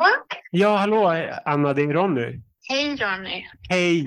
Hur, hur kom porslin till dig från början? Jag fick frågan om jag ville vara med i Melodifestivalen och eh, bara så generellt. Och eh, det ville jag ju. Det verkar kul. Jag tycker speciellt då, men kanske fortfarande, så tycker jag det är kul att testa konstiga grejer som man aldrig gjort och, och liksom, ja, generellt sådär. Och så vill jag gärna ha med en egen låt. Men den här låten, den fanns liksom i min eh, i närhet för den hade, ja, den hade spelats in och den hade inte plattats på en, en väldigt eh, fantastisk eh, sångerskas eh, album. Den hette Pärlan, tror jag faktiskt, först. Eh, vilket syftade på pärlbröllop. Att det skulle handla om, egentligen så gick texten i 30 år har vi haft och så kände jag bara, men jag kan inte sjunga att jag, att jag är tillsammans med någon 30 år. Okej. När, när jag är som jag var 40 då. Så då ändrade vi det till porslinsbröllop och så blev det texten i 20 år. Ja, men så annars så fanns det låten i, i min eh, absoluta musikaliska närhet och eh, Melodifestivalsmänniskorna eh, blev jätteförtjusta när de fick höra den. Så det, så det var så, så det, det var liksom lite olika parallella eh, spår som pågick. Men, men den var aktuell 2012, men då drogs den ur tävlingen och sen så var du med 2013 då. Hur kom det sig? Ja, det, det var lite privata skäl som jag inte riktigt kan gå in på. Okay. Men, äh, ja, men äh, ja, precis så var det. Okej. Okay. Hur var det att väl vara med i Melodifestivalen? Var det som du hade väntat dig? Jag vet inte om jag hade väntat mig så mycket. Eller jo, jag tror att jag, det, den här deltävlingen hölls ju i, det var en gammal ishall eller mm, mm, det, det var väldigt eh, kallt. Jag är så känslig för, för temperaturer och för ljusförhållanden och det, det drog rätt så kallt. Jag tror att man får en känsla av när man tittar på Melodifestivalen att det är ombonat och, och varmt. det var det inte. Det, det var kanske det, en av de svåra sakerna för mig.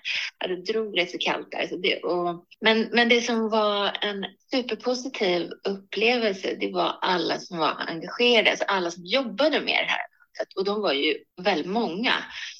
Eh, hela organisationen var så genomtänkt och alla var så lugna och snälla.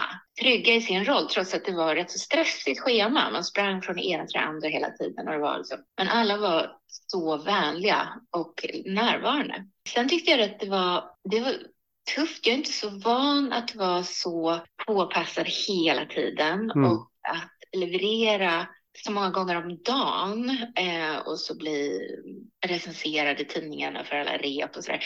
Det var alltså tufft för mig. Jag är van att, att vila mellan varven liksom och det, det kan man inte göra här liksom. Så det, det var det så, så när jag väl åkte ut och, och förstod att jag inte skulle följa med liksom på den här festbussen så var det lite skönt för mig. För jag, jag tror inte jag hade pallat. Det, det, det är superhårt. Jag beundrar verkligen den som orkar liksom vara så oavbrutet på jobbet. Liksom. Var du besviken över resultatet?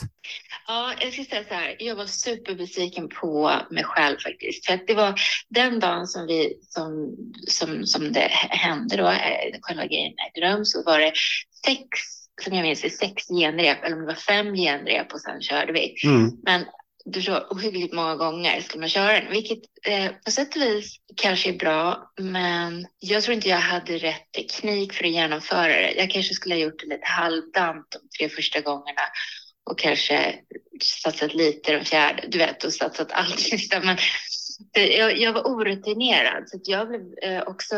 Eh, jag tyckte att jag gjorde dåligt ifrån mig helt enkelt när det väl gällde första 20 sekunder. Jag tycker jag sjöng så dåligt. Jag var jättebesviken. Och gången in, alltså sista genrepet, mm. gick det fantastiskt bra. Det är, det är faktiskt hemskt att tänka på fortfarande. Okej. Okay. Har du svårt att titta på framträdandet idag? Jag skulle aldrig i hela mitt liv titta på det. Okej. Okay.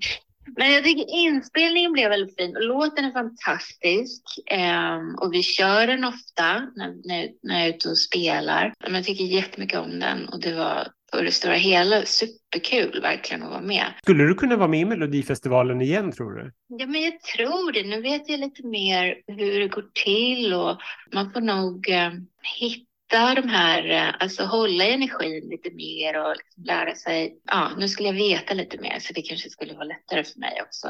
Och, så, och tvinga mig själv att zooma ut lite i korta pauser. Det blev ju lite skriverier om den här pianisten Greg som du hade bakom dig som hade ett förflutet som gigolo. Visste du om det innan? Eh, just gigolo-erfarenheten eh, är faktiskt helt ny för mig. Okay. Har jag förträngt det? Jag visste, jag visste andra saker om honom och jag vet att han, ja, men han, han, han på väg att missa, tror jag, alltså att han kom för sent och han ramlade av stolen och, lite, och han har, det finns andra roliga historier men, men gud, har jag förträngt det? Vad har du annars på gång just nu, musikmässigt? Jo, alltså jag, jag släppte en, två stycken skivor, en på finska och en på svenska i början på december. Och de eh, ska vi ut och, och turnera med lite grann här i Sverige och Finland under våren och sommaren. Men sen så håller jag på och spelar in eh, det här är ett speciellt projekt för det är inte jag som har skrivit musiken utan det är en, en pianist från Helsingfors som heter Tapio Vitasari som jag jobbat med i 15 år. Um, och texterna är tagna från min roman som kom ut för två, drygt två år sedan. Okay. Så det, det är ett lite speciellt projekt. Men jag håller på att spela in en, liksom, eh, som ett, ett vanligt Anna Järvinen-album också. Och där har vi kommit ganska långt. Jag har spelat in åtta, åtta av tio låtar. Och så, så det håller jag på med också vid sidan om. Anna, underbara Anna, Eh, kul att höra lite från henne. Ja, ska vi lämna besvikelsen? Kommer ni inte ihåg den här låten så hoppas jag att ni går och letar upp den nu med en gång när vi traskar vidare och eh, ramlar in då. Här pratar ju Gina och Danny innan om att det är ju The Attic som skrev signaturmelodin till Melodifestivalen som man hörde ganska mycket. Eh, och nämner då bland annat också Erik Amarillo, han som ville ligga med dig då och som inte vill vaccinera sig nu. Eh, men främst så pratar vi om låt nummer åtta som heter We're Still Kids med Kajsa Alroth och Michael Feiner som också skrivit låten.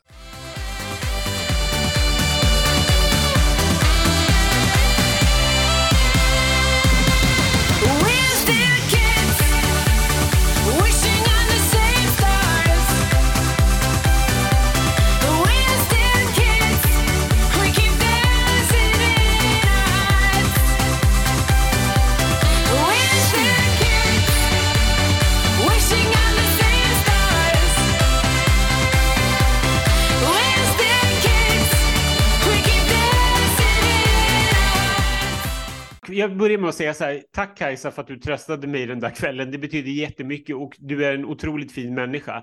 Men du är också väldigt fel i den här låten. Eh, jag tycker mest att eh, jag gillar ju den här låten när den kom, kommer jag ihåg, och jag tänkte så här, men det här kommer nog gå bra. Men nu när jag ser numret så känns det bara så här fel. Eh, hon känns så lite nervös och känns obekväm. Och så känns hon faktiskt lite för gammal för den, för den här låten. Det blir liksom så här, för, som, som du alltid nämner, pappadansare. Här är det mammadansande mellan den här saxofonen som drar igång. Liksom. Det känns som ett pausnummer. Jag tycker det är bara en massa jävla hoppande. Alltså, det här var ju också en enorm juryfavorit. Men jag ska minnas att det här är ju när EDM-eran kanske drar igång eller är på sin höjd i Sverige. Eh, och vi hade inte riktigt haft den musiken i Melodifestivalen, utan det mesta lät ju då som David Lindgren och så som vi pratade om innan. Mm. Men alltså, även om jag fortfarande inte tycker att det är konstigt att vi valde den när man hör den på skiva, eh, så är ju det här fruktansvärt alltså. Det här är vansinnigt dåligt och Kajsa är urusel. Hon har inte tröstat mig så jag kan säga det. Hon sjunger för jävligt. Hon kan inte röra sig. Alltså hon är ju foxy, men det räcker inte. Hon är också så otroligt övertaggad. Mm. Och numret som du pratade om, det är också så jäkla dåligt gjort. Det vita ljuset så här fräter ut så att folk ser sjuka ut. Man hör röken i de här stora eh, effekterna som kommer upp mer än låten. Så här, istället för musiken jättemånga gånger i numret. Michael Finey känns kanske inte riktigt supercool heller när han står där och fistbumpar med sin lilla plastsax som det ser ut. Eh, och sen då, som du sa, duktiga dansare, men det är så här ballettmoves. Vad händer med streetdansen som, som David använder och som Gosa använder? Här när man sjunger We're still kids så är det bara We're still grandpas som mm. gör det. Det är, är så gammalt, de skulle gjort det yngre. Eh, nej, allting är fel här. Allting är fel och de här stora ballongerna i publikhavet, när någonsin har det fungerat? De hamnar alltid framför kameran mm. eller så får man dem i huvudet på scen igen. Det funkar kanske om man är på Ullevi, men mm. inte när man är på en, en liten ishall i Karlskrona. Och, och sen till slut då så är ju Kajsa, hon är så, så taggad att hon bara skriker i mikrofonen hur fantastiskt allting är innan låten nästan är slut. Alltså det här, det här, är, det här är en dikeskörning utan motsvarighet skulle jag säga. Jag tycker det här är det är ju det är nästan kul att se på det bara för att det är så kalkonartat.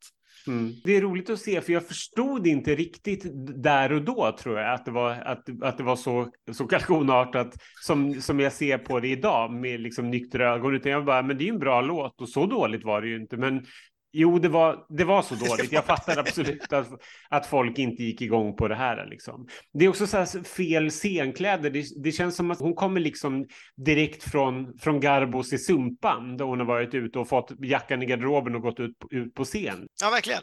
Nej, det, det, här är ju, det här är ju inte alls konstigt att det, inte, att det hamnade sexa. Ska vi gå vidare så kan vi prata, det kommer ju snart ett resultat. Det tar inte jättelång ja. tid. Nej. Eh, för nu kommer första snabbreprisen och här har man då i klassisk SVT-anda fuckat upp det. Eh, eller ja, det, men det är otroligt rörigt så att när, när låtarna går igång så har man glömt att visa telefonnumren. Så det var en tom skärm. Och det förstår inte Gina, så hon fortsätter glatt tills någon börjar väsa i hennes öra och allting måste tas om och sådär. Det här leder ju för sig till en ganska rolig grej i nästa eh, deltävling. Eh, thank God att det fångades upp saker på den tiden. Men här är det ju verkligen bara kaos. Eh, men ja, de får ju ordning på det sen. Och sen är det väl lite green room, det var ju det Gina excellerade på året innan som går runt och drar lite skämt om Lili och Sushi och eh, saxparty till Finer och så vidare. Danny har inte riktigt lika lätt att leverera manus för att när han ska läsa upp fake-twitter och så här och det ska ju glida in då i, eh, i nästa mellanakt som vi snart kommer att prata om. Så eh, det, det, känns inte, det känns inte jätte på riktigt det han läser upp. Man, man det känns väldigt mycket mer som det är skrivet kanske, stackarn. Medan eh, Danny då får, eller Gina får allting att låta som att men det är klart att folk redan har kommenterat saker på Twitter som vi läser upp här i sändningen rakt av att du ser förjävlig ut och så vidare.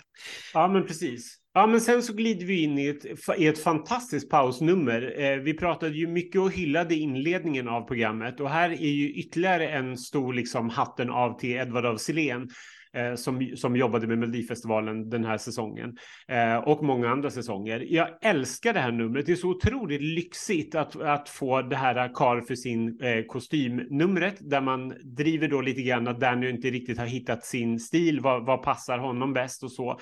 Och så har man då involverat både Lena Philipsson som känns otroligt lyxig och har hon någonsin varit snyggare i sin liksom eh, genomskinliga lace-kroppstrumpa och så Christian Lok då som, som dyker upp på scenen. Det här är ju precis vad man vill ha som inte är så här bensprattel på det sättet som är så här, vad heter det, Broadway-grejen, utan det här är ju liksom ett så här lyxigt pausnummer som känns Melodifestivalen. Jag tycker att det, jag bara älskar det här till 100 procent och jättekul att man har involverat SVTs vd då, Eva Hamilton, som också dyker upp i en förfilmad sekvens. Det här är så överlägset allting tycker jag i deltävlingen. Ja, nej men det är det. Jag kan bara skriva under på allting också. Det är också väldigt roligt att Gina typ gör daytime soap acting när hon ska komma in och skrika att Eva Hamilton har ringt. Det, det, det, det är verkligen en Oscar-worthy performance när hon bara vrålar. Men det är väldigt, väldigt roligt med Eva Hamilton. Och som du säger, man, alltså, det är ett bra nummer, men när Lena Philipsson kommer in så lyfts det till världsklass på något sätt. Ja. Jävlar alltså! Vilken stjärna! Och, ja, och Danny också, måste jag säga, då, som, som ju är skakig som programledare, men som här då verkligen visar att nej, men det är det här han ska göra. Det är mm. ju ja, men krogshow, den här typen, då är han ju flawless. Jag tänkte bara för att eh, knyta ihop säcken och vi vill ju mer, veta mer om det här, både numret och hur man tänkte under resten av året och eh, att han, han, som du sa tidigare, eh, ingick i juryn. Jag tycker vi ringer upp Edvard af och kollar lite grann vad han har att säga om Melodifestivalen 2013.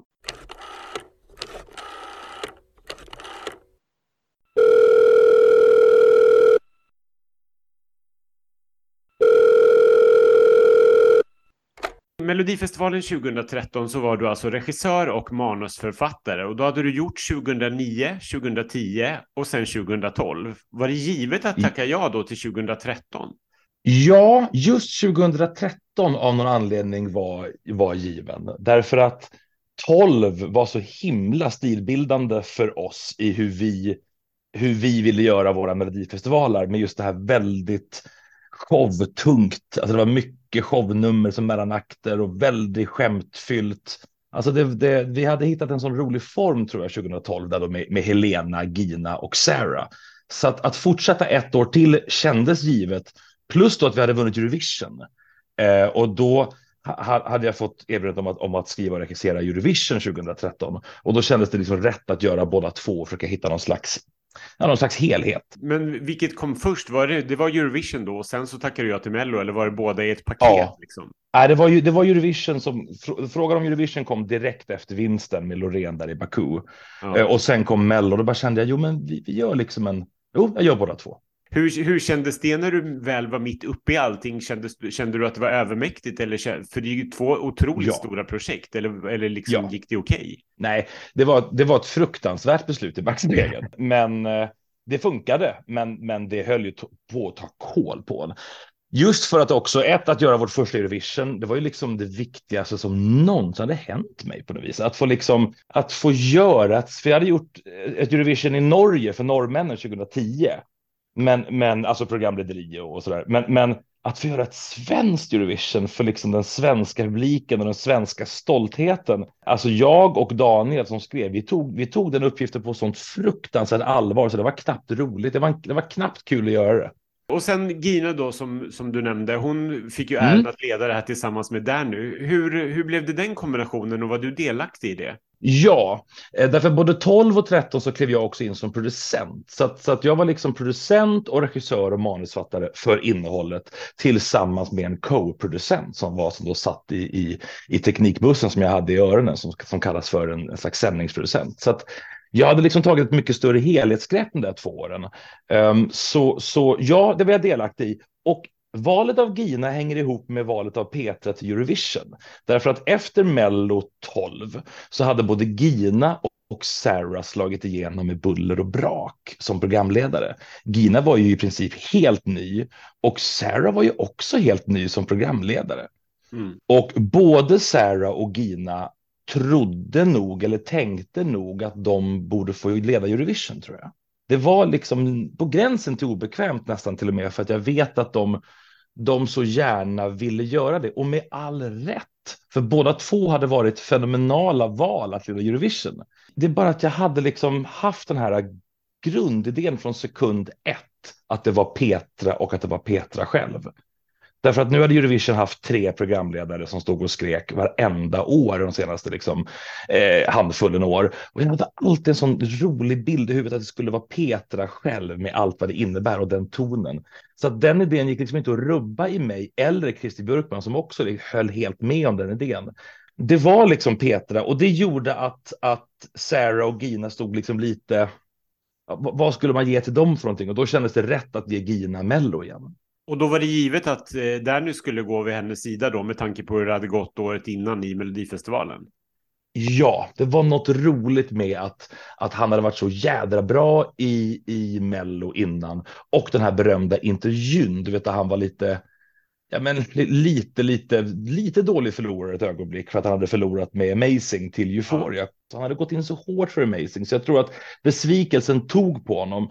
Eh, och då sa han någonting eh, i, i stil med att han nog hade haft större chans att vinna Eurovision. Och när då Euphoria gick och vann Eurovision så var det så nesligt när man har sagt en sån sak. Och då kändes det så himla rätt att få ta in honom i Mello och ge honom en chans att liksom visa upp något annat och visa upp att han har humor och, och hans stora hjärta. Du satt ju också i juryn inför den här Melodifestivalen. Hur var känslan Jaha. inför den här turnén när ni hade tagit ut de här äh, låtarna? Jag minns inte det alls. Jag minns bara att det var alla låtar skulle ha svårt att följa upp Euphoria-tyngden eftersom att mm. Euphoria var den ultimata, blev den ultimata mellolåten. Så alla skulle äh, vara liksom lite i skuggan av Euphoria. Mm. Det jag minns, eh, som jag alltid varit lite, lite bitter för, är att i finalen så var det bara killar och Louise Hofsten.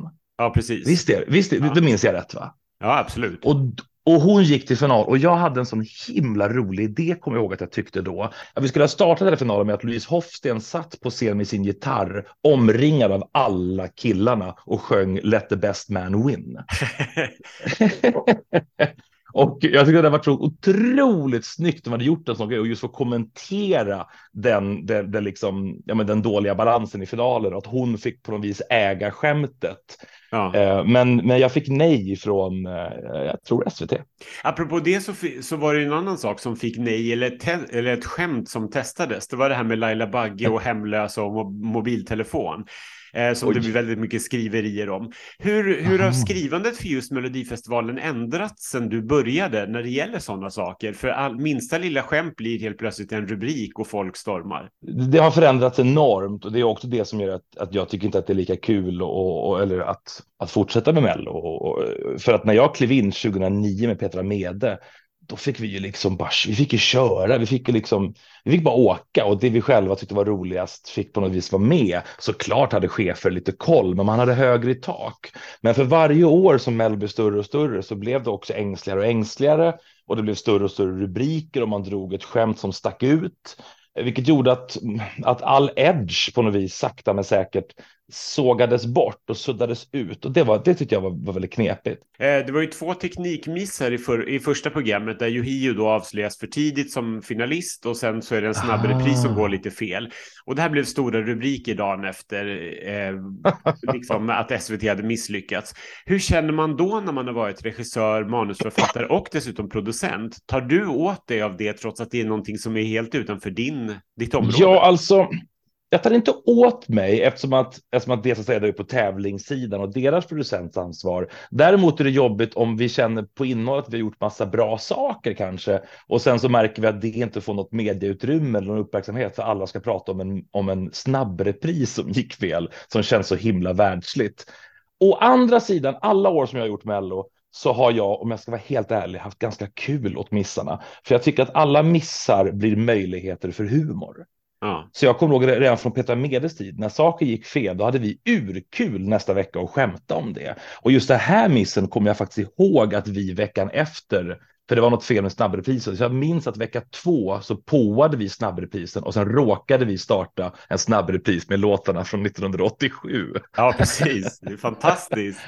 Vilket var ett jättedumt skämt, men det fick mig att skratta hela veckan tror jag. Och så det tycker jag om att man tar ägande av misstagen och skrattar åt det. Eh, apropå det vi nämnde om just 2013, att, det, att många med mig uppfattar det nog som ett svagt melodiår, liksom att det var svårt att följa upp Euphoria och så. Men programmet är ju jättebra. Är det lite jobbigt att jobba mot det om man känner att kanske musiken inte bär, men att innehållet är så bra? Eh, och tror du att det gör att tittarna kanske uppfattar musiken som bättre om programmet är bra? Jag vill tro det. Jag tror att, um, att det är någon slags vacker symbios, att om någon vecka vi har lite svagare innehåll, men det är bättre tävlingslåtar och någon annan vecka tvärtom så är det bra för då lyfter vi varandra. Jag upplever inte att det påverkar oss så negativt, utan, utan ibland tvärtom. Jag kommer ihåg ett år när jag gjorde Mello, då vi gjorde en mellanakt med Charlotte Perrelli på din favoritlåt från Tyskland. Ja, just det, Atemlås.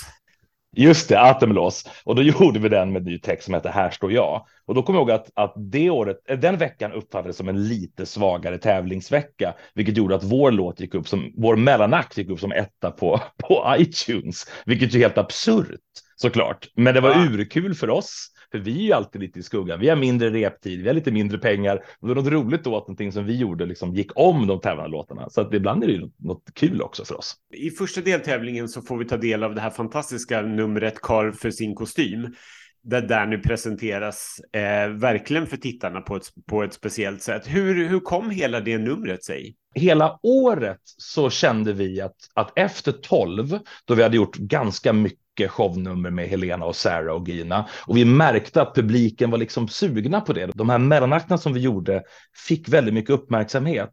Så vi ville gå på ännu mer 2013. Så att jag har aldrig i mitt liv tror jag jobbat så hårt för att fylla Mello med liksom skojs. Mm. Så, för att jag, jag ville på, alltså så här, vi tog oss an Melodifestivalen 2013 som att det var en krogshow, skulle jag säga, mycket mer än ett tv-program. Jag tänkte att det var en krogshow. Det behövs öppningsnummer, mellanakter, skämt hela tiden, överraskningar, gästartister. Och det var kul tycker jag att göra så, för det är det jag kommer ifrån. Jag kommer ifrån att göra show och, liksom, och teaterföreställningar. Så så såg vi på det. Så jag minns att vi liksom, vi hade ju Per Andersson som mellanakter med, med sånger, vi gjorde till det och hela musikvideos. Vi öppnade första programmet programmet med ett nummer då Gina gjorde en Euphoria-parodi mm, eh, som hette Vaforia och som handlade om att hon skulle göra Mello igen. Eh, och vi fyllde varenda vecka med liksom underhållning. Så att, så att vi, vi bröt nästan liksom nacken av oss, men, men det var någon slags desperat försök att ge tittarna så mycket som möjligt och se hur långt vi kunde dra Mello som ett showprogram. Det var liksom ingången till hela året. Och då kommer alltid det svåraste, vilket ska bli första mellanakten. Eh, och det enda jag visste var att det behövde handla om Danny, för Gina hade haft ett helt år på sig att lära känna tv-tittarna. Nu behövde vi presentera Danny. Och det ville jag göra med humor och så ville man som alltid skämta om sanningen på något vis. Mm. och sanningen var väl att han var helt ny i den positionen och inte riktigt kar för sin kostym ännu, utan han var liksom popartisten som nu skulle liksom fylla de här skorna.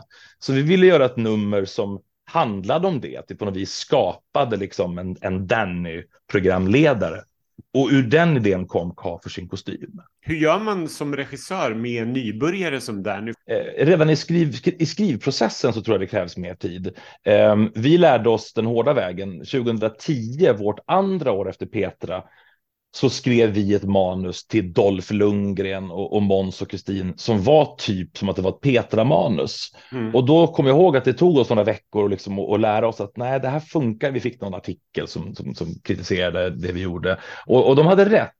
Vi lärde oss den vägen att vi måste verkligen anpassa materialet till den som ska leverera det, vilket låter självklart, men, men ja, allt självklart måste man ju lära sig. Och med Danny, som då inte var en utbildad programledare eller en erfaren programledare, så var det viktigt att försöka få till ett manus som kändes som att det var så som han och Gina skulle prata. Så vi spenderade väldigt mycket tid med Danny och Gina och liksom fick dem att få bra kemi, fick dem att lära känna varandra och sen försökte vi skriva ett manus som skulle ja, kännas lekfullt och ärligt för dem.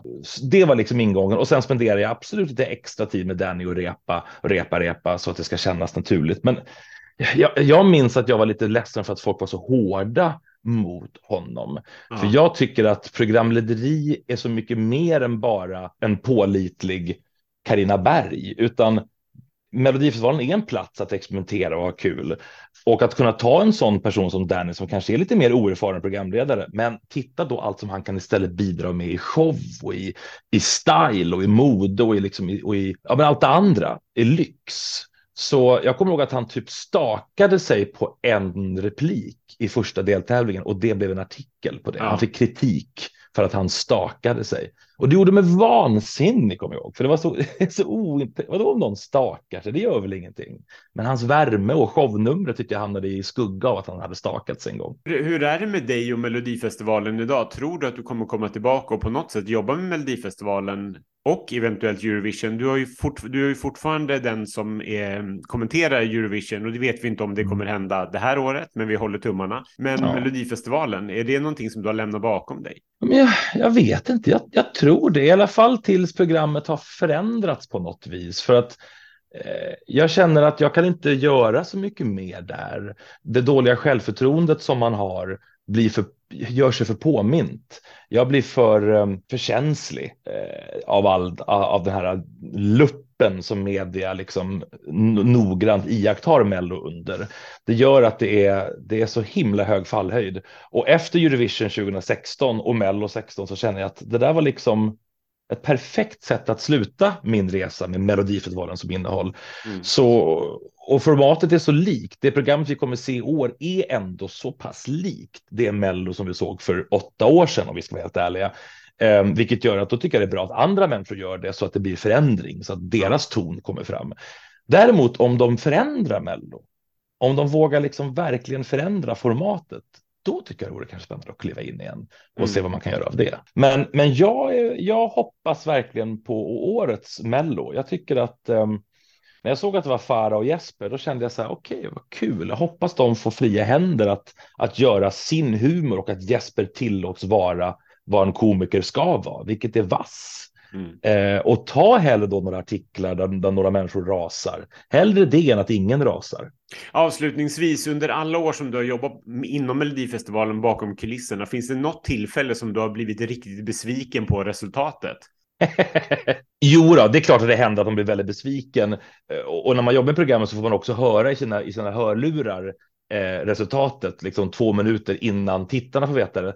Och då kommer jag ihåg att det någon gång man tänkt så här, åh nej, ah, ja, och sen får man gå vidare. Och jag vill nog inte säga de exemplen, för jag vill inte göra någon artist ledsen. Men, men jag kan ju säga att just 2013, året vi pratar om, så är det ju en låt som är typ min, en av mina favoritlåtar någonsin i Mello. Och det är Janet Leons Heartstrings. Ah som kom på en femte plats, gick inte ens, gick inte ens denna chansen. Det minns jag att jag var, att jag var väldigt besviken över, för jag älskar Heartstrings. Tack snälla Edvard för att du tog dig tid. Jättegulligt verkligen. Ja, det var det lilla. Eh, kör hårt med en grymma podd. Edvard Silén, bra att vi har pratat med honom nu. Då kan vi ju prata lite mer om nästa mellanakt strax utan att han hör det. Eh, men först då så eh, har vi ett resultat. Sverige, vi har ett resultat.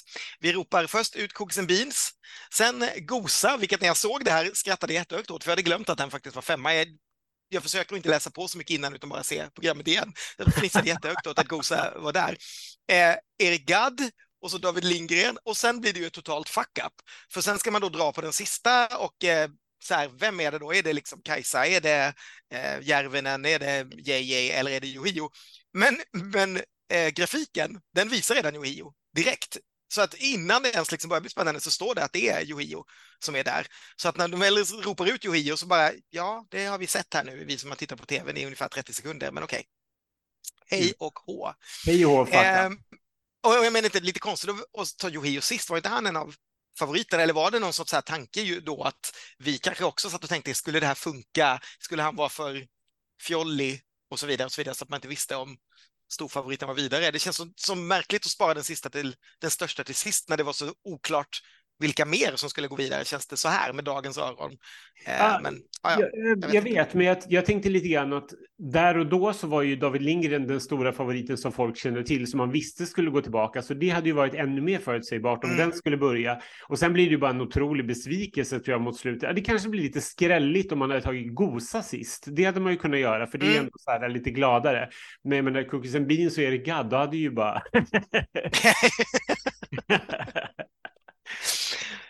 Sant. Ja, Gosa sist hade varit, hade varit lite mer spännande kanske. Mm. Då hoppar vi vidare, för då ska du in en sorts eh, mellanakt till och det är ju någonting som jag helt hade glömt också. De här Per Andersson-sketcherna om inskickade bidrag som, eh, som inte har kommit med. Och det är ju, alltså jag tycker att det här är en jättekul idé på pappret och det är inte kul alls när jag ser det nu. Eh, och då är jag ju lite Per Andersson allergisk, men det är inte riktigt det som är felet heller, utan det är bara helt enkelt inte kul. Tycker jag. Sen måste jag, lite kuriosa här då.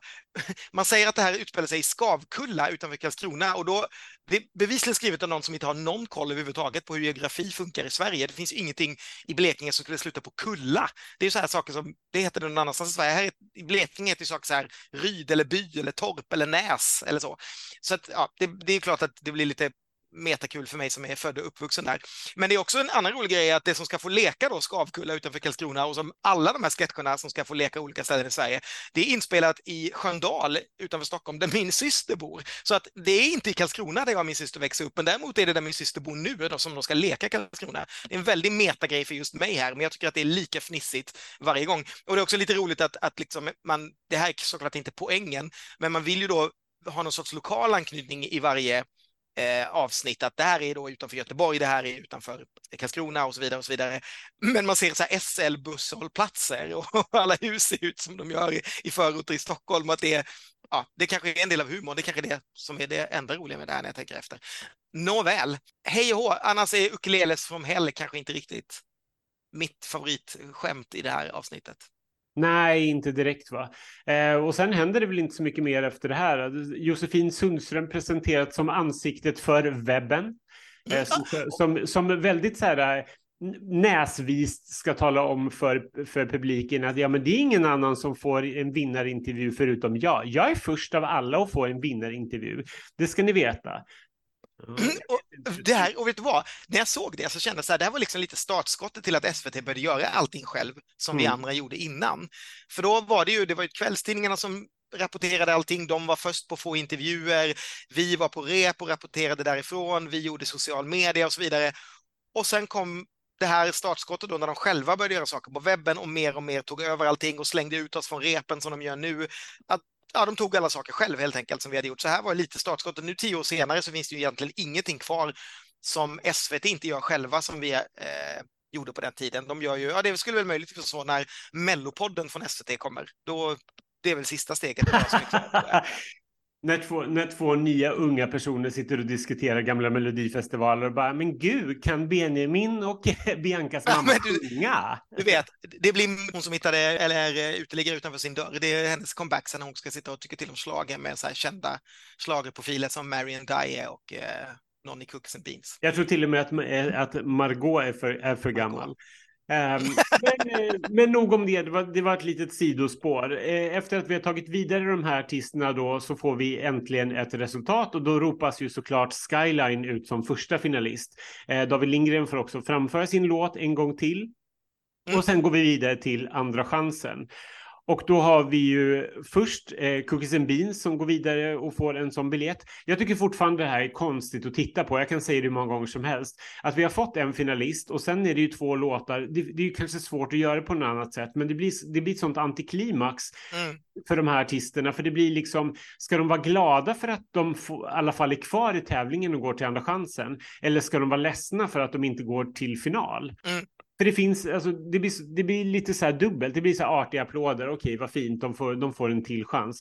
Medan skivbolagsfolket också i kulisserna sliter sitt hår. För ingen vill ju hamna i andra chansen. För det blir bara en jättestor kostnad.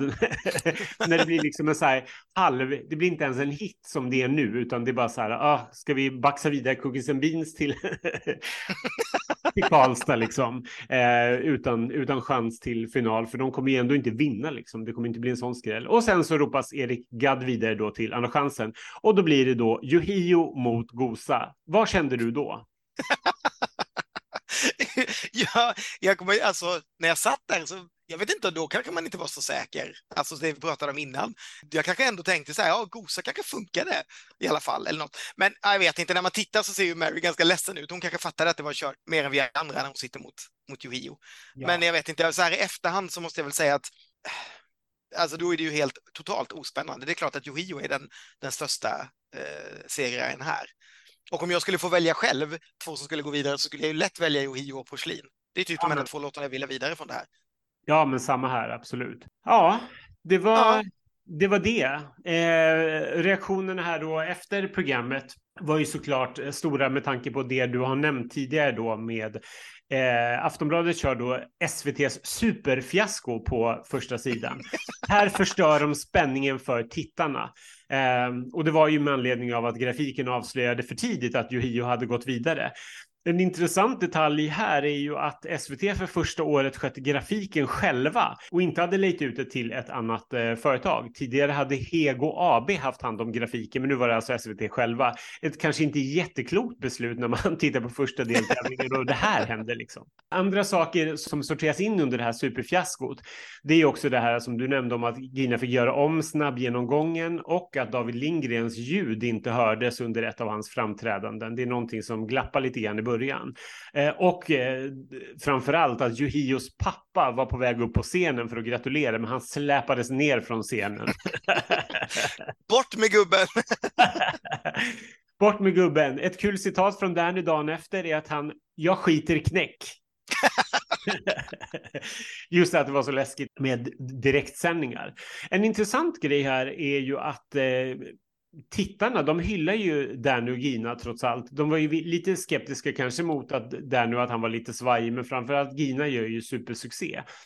Men publiken är faktiskt väldigt på, på Dannys sida i alla fall. 71 procent är positiva till Danny och eh, 49 procent är positiva till Ginas insats. Och då tänker man ju så här, hmm, ja, de gillar inte Gina så mycket.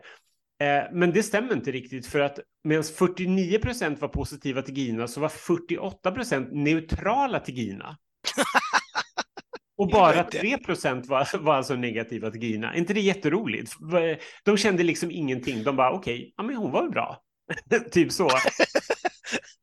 Att man trycker in den knappen, jag orkar inte. Ah, ja. jag vet, ja, det är jätteroligt. 71 procent var då som sagt positiva till Danny, men, hel, men 13 procent var negativa till Danny och bara 16 procent var neutrala till Danny. Så att det var liksom jättekonstigt att folk bara, aha, vi är neutrala till Gina, men vi tycker att Danny är fantastisk. Liksom.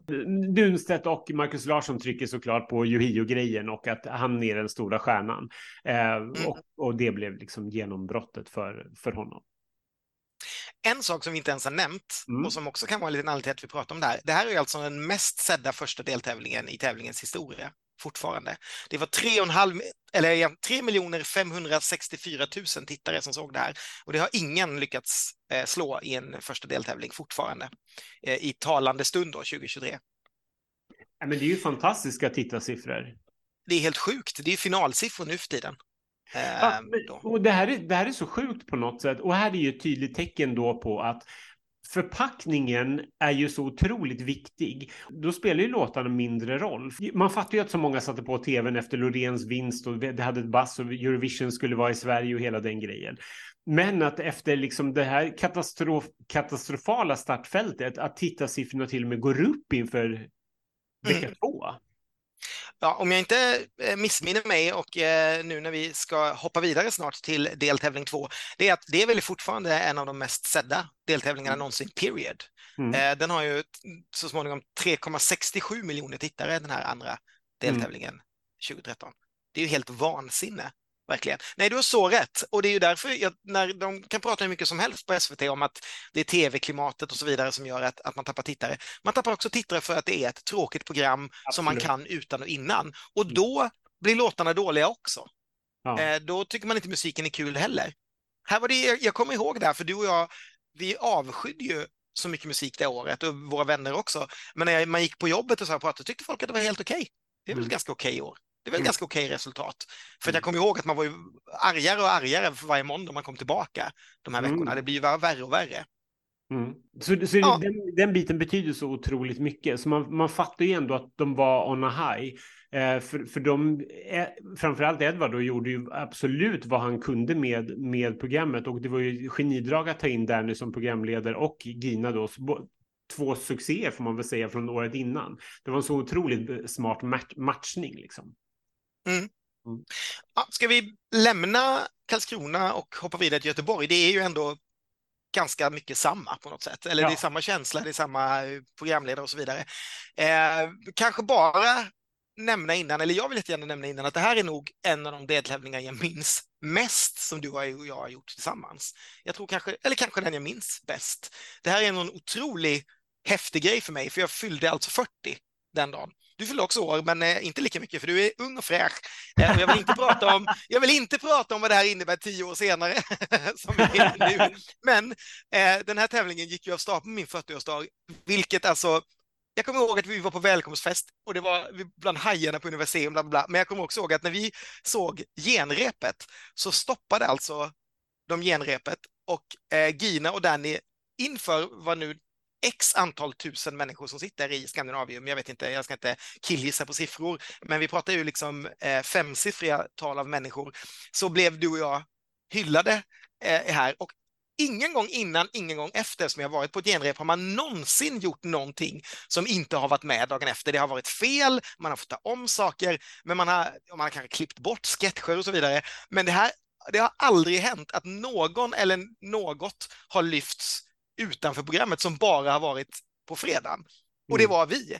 Eh, och det, det, det är lika jobbigt som jag tyckte det var då, för jag hatar överraskningar. Det är det absolut värsta jag vet. Det vet alla som känner mig. Jag, jag är sånt extremt kontrollfreak, så jag vill inte... Jag, jag måste veta vad som ska hända. Jag tycker det är jättejobbigt. Lika mycket nu efteråt ska jag bli helt rörd av den här grejen som Edvard gjorde eh, för oss. Jag, tycker, Mm. jag, är, så glad att vi fick det som present. Jag tycker det är så fint. Eh, och, och också tävlingen då, jag ska snart sluta prata om mig själv, men den här tävlingen såg vi då tillsammans eh, i hemma hos mig i Göteborg, vilket vi alltid brukar göra när det är Göteborgs tävling. Men det regnade bara in människor till mig eftersom jag fyllde år, som jag inte visste skulle komma.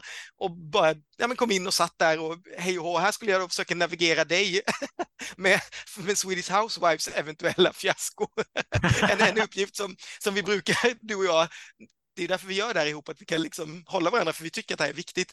Det kanske är svårt när man har 40-50 personer runt omkring som ramlar runt och äter smörgåstårta och dricker bubbel och kanske inte är så där intresserade av festivalen. Ja, Häftigt nej, men alltså.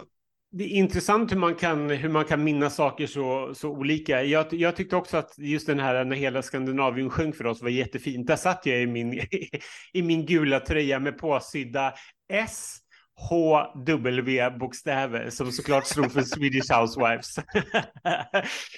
Okej, om folk tycker att jag är lite, lite barnslig och fannördig, ja det är jag absolut om det är någonting jag brinner för. Jag älskade ju eh, den här låten och det kommer vi komma till längre fram, vilket också gör att så här, deras eh, uttåg i tävlingen gjorde ju att den här dagen var ju bara Oh, jag vill bara glömma det här. Jag tycker att det här var en jättejobbig dag. Jag är jätteglad att du minns den positivt. För den här födelsedagen tycker jag inte var något kul alls. Dessutom blev, blev efterfesten inget kul och jag kom och du var jätteglad on high och hade dragit vidare någonstans och inte sagt det till mig och jag var ju rasande och skällde ut dig efter noter. På din 40-årsdag. Väldigt... Nej, det, då var det inte längre din 40-årsdag utan då hade klockan passerat midnatt. Nej usch, vad jag, jag tycker inte alls det här känns angenämt när deltävlingen. det, det kommer jag inte ihåg alls. Jag kommer ihåg att vi kom hem sen hit och då var det fortfarande fest här och folk satt kvar och drack i köket. och druckit upp typ alkohol, all alkohol som fanns i min lägenhet och det var, jag, kom, jag har bara positiva minnen från det här fortfarande. Däremot så, och jag, jag, kan, jag kan också säga, det kanske jag ska ta sen, jag, jag med, med lite fjärilar i magen så tittade jag på vår schlagerstudio som vi hade spelat in precis efter. Och jag kan säga, där ser det inte alls lika lika. Ja, du, du har ett litet utbrott i början om att du tycker att det är orättvist att din musik inte finns längre i tävlingen och att, ja, lite, lite Det håller jag fast vid tio år senare. men, men sen så tycker jag inte du känns alls så ledsen. Eh, som, utan du, jag tror du, du är mer ledsen på att du bara hade en låt under hela året som var din. Men vi kanske ska sluta prata om, om mig och vi kan prata om mig jättemycket om vi vill, men vi kanske ska sluta prata om bara vad, du och jag tänkte och tyckte innan och kolla lite vad gänget på våra kära kvällstidningar tyckte. Eh, ja, men precis. Eh, några saker som det skrivs om då inför den här deltävlingen var att eh, Aftonbladet eller Nöjesbladet då var på välkomstfesten och ville ta en bild på Gina Derny och Anton Ewald tillsammans. Men det ville inte Derny av anledningen att han vill inte vara partisk någon artist. Jag vet inte om det låg någonting annat begravt där bakom med tanke på att här, de var ju ändå polare och Ewald hade ju faktiskt dansat med Derny i Amazing. Um, en annan sak som nämndes var att, eh, att Snygg-Erik då, Erik Segerstedt, inte ville riskera att åka ut mot ett skojbidrag. För han var så arg efter att Ranelid hade slagit ut hans eh, EMD-polare Matte eh, året innan. Jag vet inte om det här skojbidraget då var Sean Banan och det hände ju på sätt och vis ändå. Men ja, jag vet inte. Um, sen skrivs ju jättemycket om det här med Anton Ewald, att han uh, har ju micken mer i luften än, än närmre munnen. Det nämner ju båda kvällstidningskrönikörerna varje dag i princip. Uh, så jag vet inte vad jag ska säga om det. Och det stämmer ju så otroligt mycket, men det kommer vi in på lite senare. Eh, en sak som det skrevs också mycket om var eh, det här Laila Bagge-skämtet Eh, som några dagar innan hade bloggat om att eh, om uteliggare då, vem fan har råd med mobiltelefon om man är hemlös och sitter och tigger på gatan. Det skojades det ju om i programmet, men det ströks. Eh, Ginas skämt var då eller om det var Danny som sa det. Många hemlösa ringde och röstade förra veckan, men då blev Laila Bagge arg. Så vi kom fram till att man bara får rösta om man har telefon och ett hem. Det är jättekul.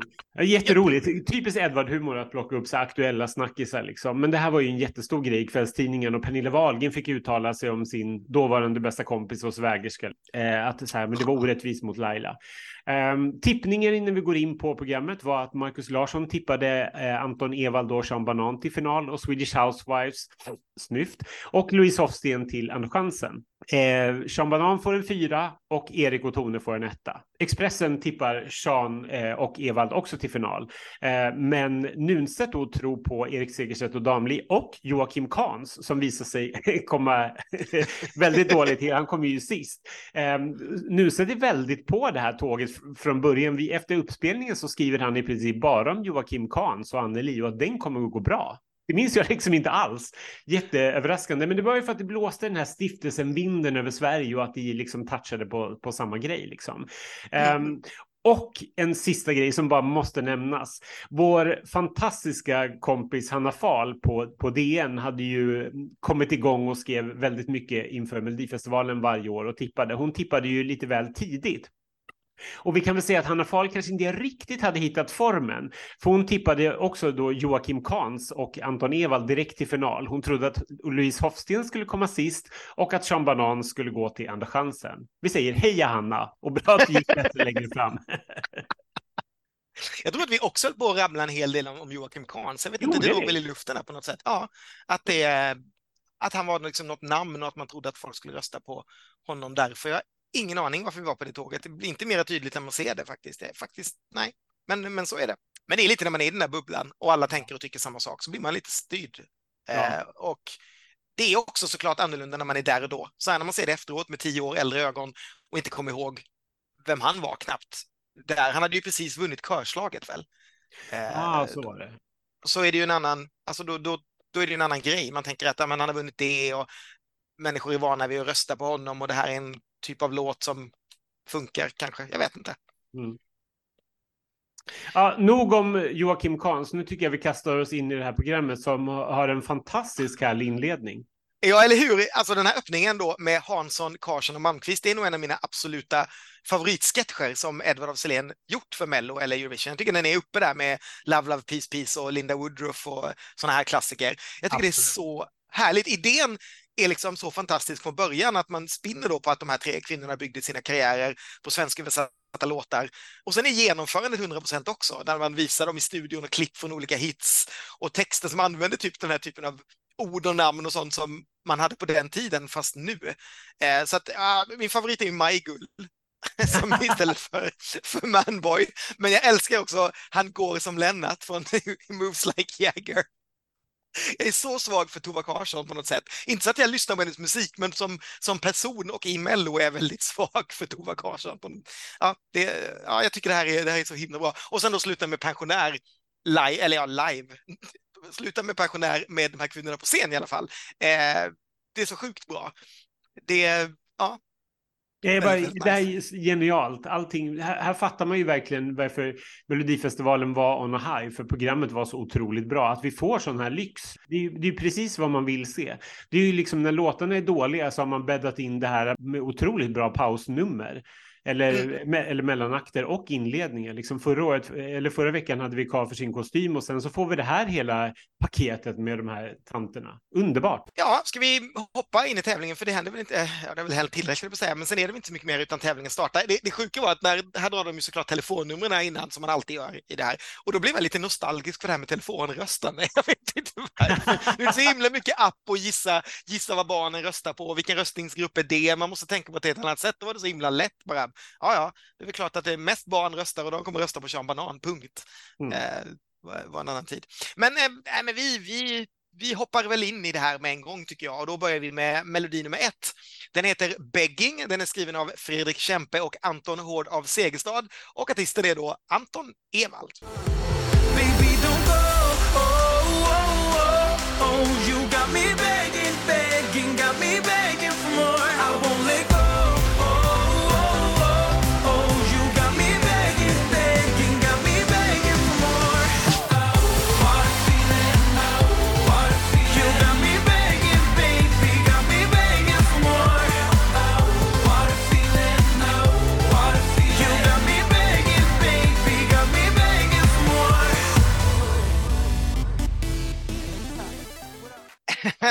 Ska vi, ska vi ta elefanten i rummet? Det här är här är ju playback på hög nivå. Vi ska inte låtsas om någonting annat.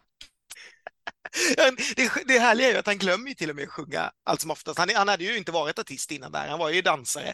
Så att det är på något sätt som att det är dansen och de stegen som, som Anton har fokus på. Så ibland är ju verkligen micken någonstans eh, överallt. Och det är ju någon annan som står bakom och är Anton Ewalds röst. Och det, det vet vi, så har det varit. Och vet man då vem det är, vilket jag vet, eh, så är det lite svårt att miss, missta eh, vem det är. Eh, det här är ju, och nu säger jag det, om ni lyssnar noga så hör ni att det är John Lundvik som sjunger den här låten. Eh, han är där.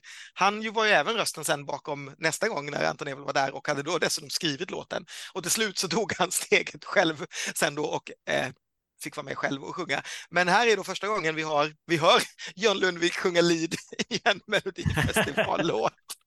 Jag hade inte hört att det var han förrän, förrän nu, eller att det var någon annan röst riktigt. Jag hade inte reagerat så mycket på det här.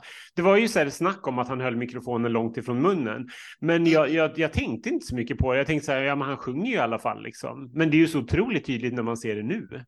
Ja, och jag måste säga att jag vill också säga att jag har inte jättemycket emot det här. Alltså att, att man låter en artist som är snygg och dansar bra, när man inte får använda autotune eh, och så vidare, att man gör det här knepet att man ställer någon bakom som sjunger.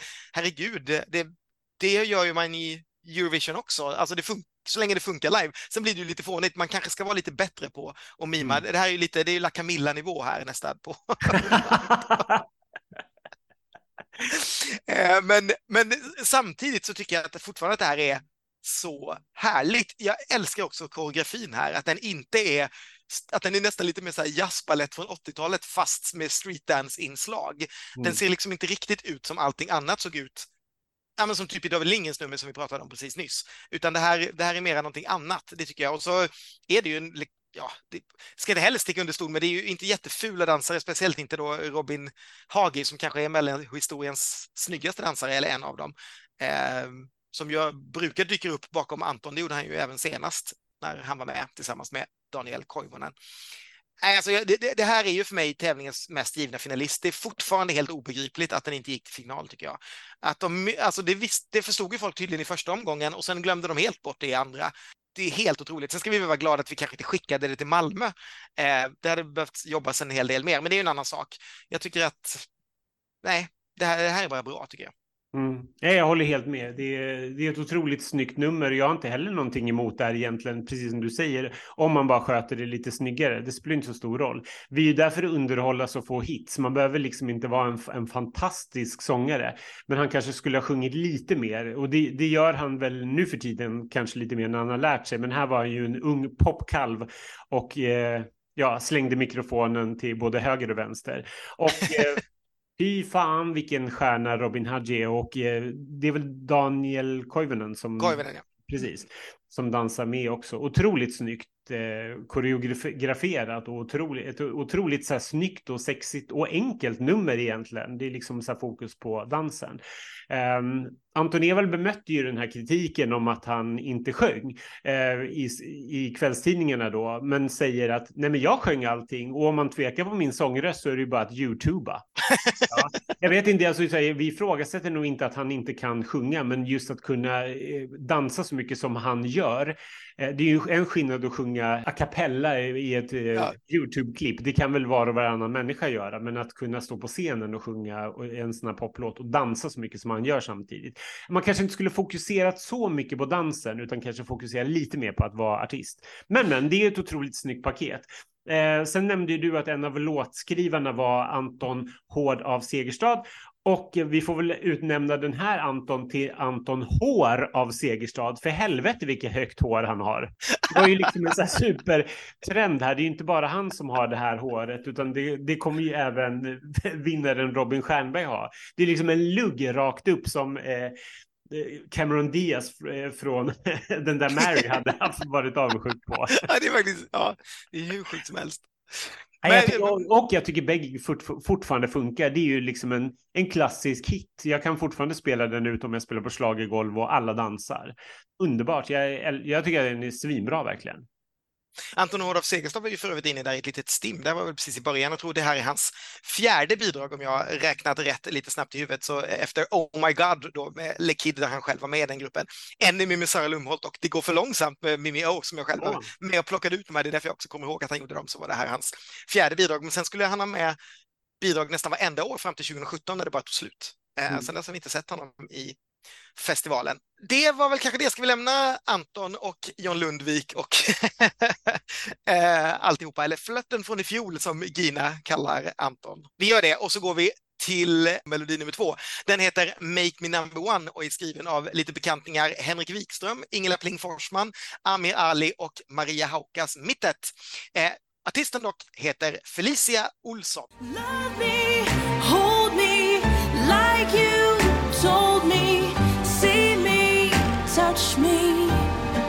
Again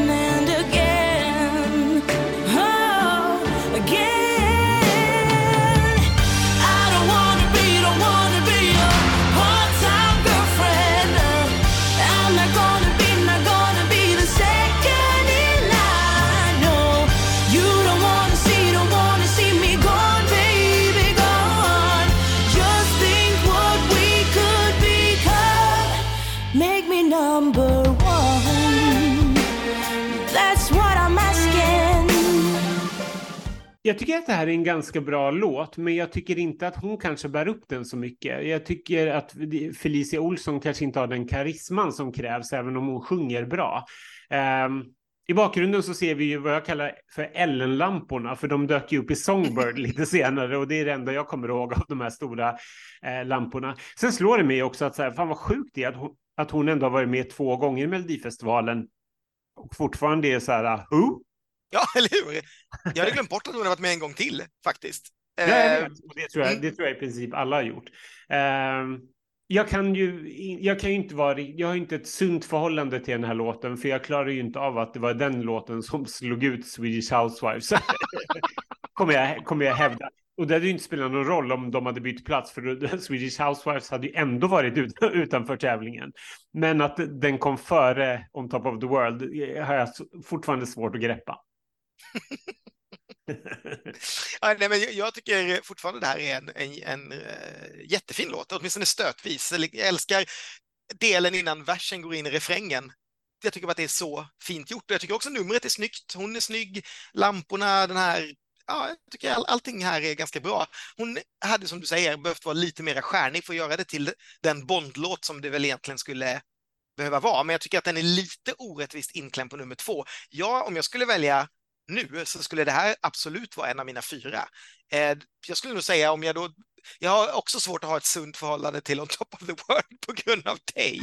Men annars om jag rent, rent privat ska liksom välja någonting så tror jag att Begging och den här är mina favoriter i den här deltävlingen. Jag tycker det är en jättefin låt. Och det är, Henrik Wikström skrev även ett schlagerprofilerna favoritbidrag, Killing Me Tenderly, som ju lite är inne i samma eh, landskap på något sätt. Det här är väl också, den gjordes ju då av Maria Haukas och det här är väl hennes enda låt som låtskrivare i eh, festivalen. Och Pling då, hon, det här var hennes 38 bidrag. Eh, Hon har faktiskt bara haft med två bidrag eh, efter det här. Hon har faktiskt bara haft med tre, tre bidrag efter 2009, Ingela Pling Forsman. Dels den här då och sen Elisas två bidrag 2014 och 2021. Annars har det varit väldigt pling skralt det senaste decenniet faktiskt. För, för mig är det en liksom så här helt rimlig fem, femte plats någonstans där i mitten. Jag är inte lika förtjust i den som, som du är. Men då går vi vidare och Mm. eh, här har jag skrivit med stora bokstäver. Det uttalas Joakim Kans, så det är kul att vi redan har pratat om honom och sagt fel hela tiden i, eh, i det här programmet. Men nu är det i alla fall dags för låten Anneli, skriven och framförd av Joakim Kans. Du är en ängel på besök himmelen Låt nu dina vingar ta dig hem.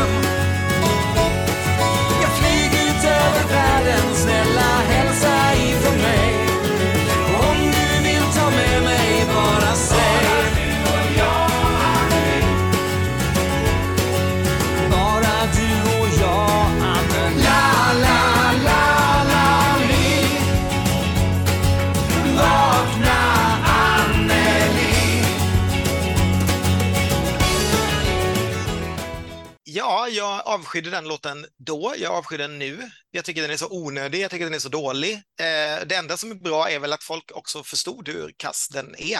Eh, men jag tror då som sagt, som vi sa innan, att vi, jag tippade den till final och jag trodde att han var mer populär än han var just då på grund av körslaget som jag nämnde innan och att han då varit med i Hammerfall och helt. Men jag, jag antar också att det här är typiskt skomakare blivit din läst-grej, att de som var fans av honom vill ha rock från honom och inte det här. Eh, för att jag läste också någonstans att de som var med i bandet bakom, det var folk från bandet Sator. Men här står de liksom med nyckelharpa och ser ut som de framför någonting från Nordmans Så mycket bättre era tio år senare. Alltså, och hans numret också, förutom det här med band då, så är han otroliga närbilder på hans ansikte, eller också en enorm manspread eh, och, och sen då den här nyckelharpan. Och rockposer till, till en låt som inte alls är det. Och, och texten så här, Anne la la li och eh, man, if you heard it you can never unhear it, skulle jag säga. Och sen det mest som också stör mig jättemycket, det här är alltså, han har skrivit den här låten om en person som en annan persons låt handlar om. Alltså Magnus Johansson som hade en hit som hette Vakna nu Anneli 1990 och den här låten är alltså en hyllning till den låtens Anneli. Det är så otroligt metamärkligt också.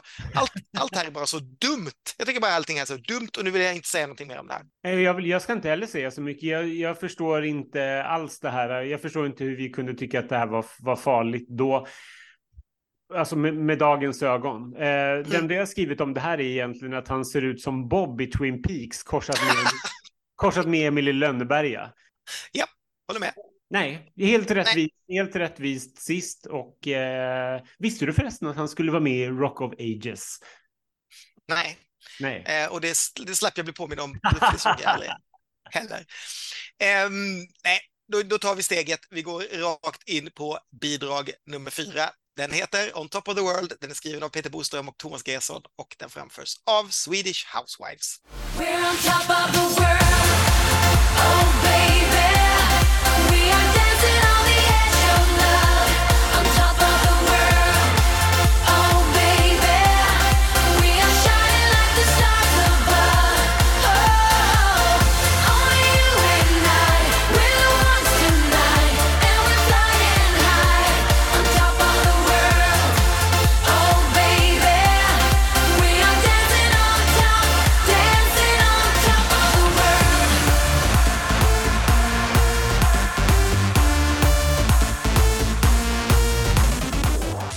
Ja, det här är fortfarande traumatiskt för mig att prata om.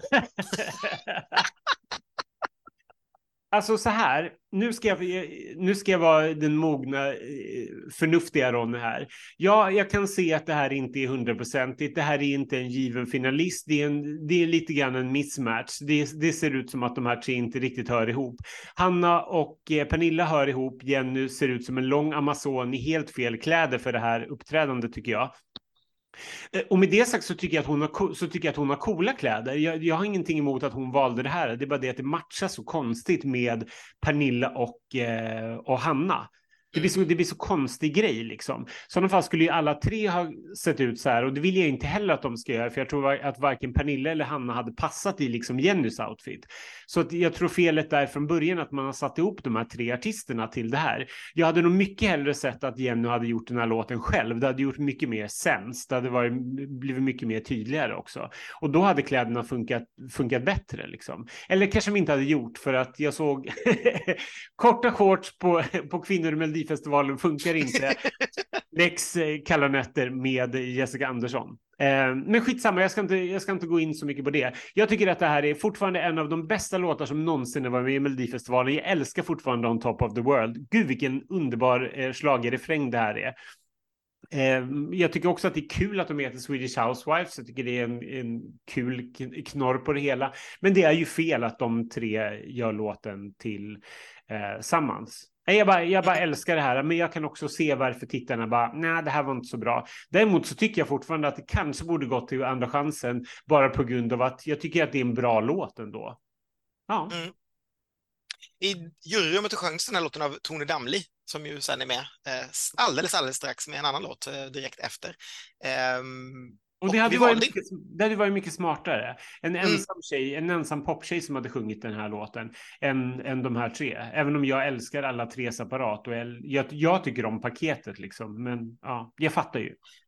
Ja, jag kan inte riktigt förstå varför vi inte valde den låten och vad vi tog med istället. Eh, jag tror att det var kanske Janet Leon och Amanda Fondell som också var där. Eh, och att man, en jury på 16 personer kände att det var lite mer bekanta namn kanske, eller ja, inte, inte Janet Leon. Nej, jag vet faktiskt inte, det är väldigt svårt att säga så här efteråt, men jag kommer ihåg att jag tyckte att det här var en fantastisk låt eh, där också.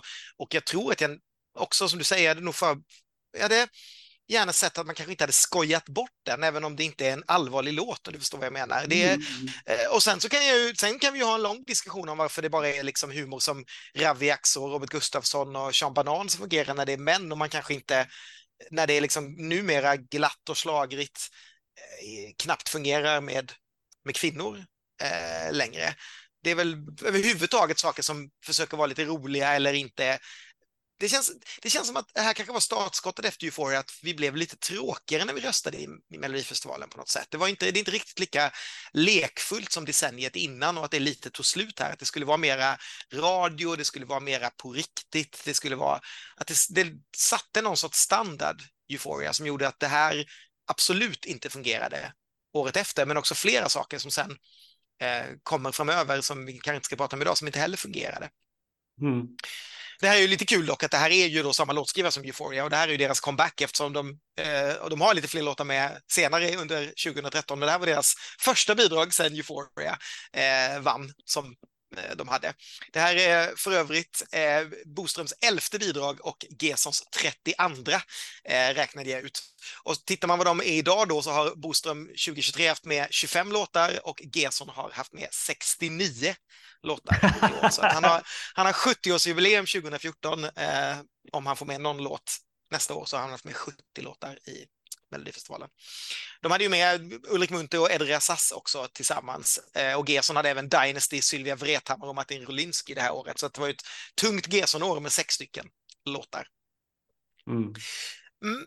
Ja, nej, jag tycker också det här är härligt, men det är ju det det är svårt. Det är, det är så mycket trauma runt det och kring dig och det är, så här, det, är, det är så mycket din låt så att jag skulle nog säga att jag aldrig, aldrig lyssnar på den här låten någonsin om det inte är bredvid dig i ett DJ-bås eller på någon förfest eller något. Den, den finns inte någonstans på min Spotify. Det är som det är. Jag vill bara någonstans säga så här att eh, hur dåligt låtar än går och att det blir lite så här traumatiskt så, så är jag ändå otroligt glad att jag får de här låtarna eh, och att de får leva vidare hos mig personligen eh, Mm. och att de kanske inte har gjort så stort avtryck på, eh, på Melodifestivalhistorien men, men en sån här låt hade ju aldrig släppts om det inte hade varit för Melodifestivalen. Så skitsamma egentligen hur det går. Jag är bara glad att jag får ha den i min privata musikskatt. Och här får man ju säga då att, att, att Ronny har eh, än, ändrat sig under de här tio åren, för det är det ju inte i det här klippet om man tittar på vår gamla schlagerstudio. Efter det, precis. Eh, Men det, jag tycker det är härligt, för det är så man måste tänka, eller det är så man mer och mer får tänka, speciellt såklart när man blir äldre och det kommer annan typ av musik med som man kanske inte själv eh, lyssnar på, så är det ju ändå härligt att, att det ändå finns någonting för alla i den här tävlingen, att man kan hitta de där pärlorna och eh, de inte behöver vinna för att de ska hamna i rätt öron, så att säga. Nej. Ha, från en låt skriven av några som har skrivit en Eurovision-vinnare till en annan låt som har skrivits av någon som har skrivit en Eurovision-vinnare eh, i högsta grad faktiskt. Den här låten heter Hello Goodbye. Den är skriven av Robin Fredriksson, Mattias Larsson och Måns Zelmerlöw och den framförs av Erik Segerstedt och Tone Damli.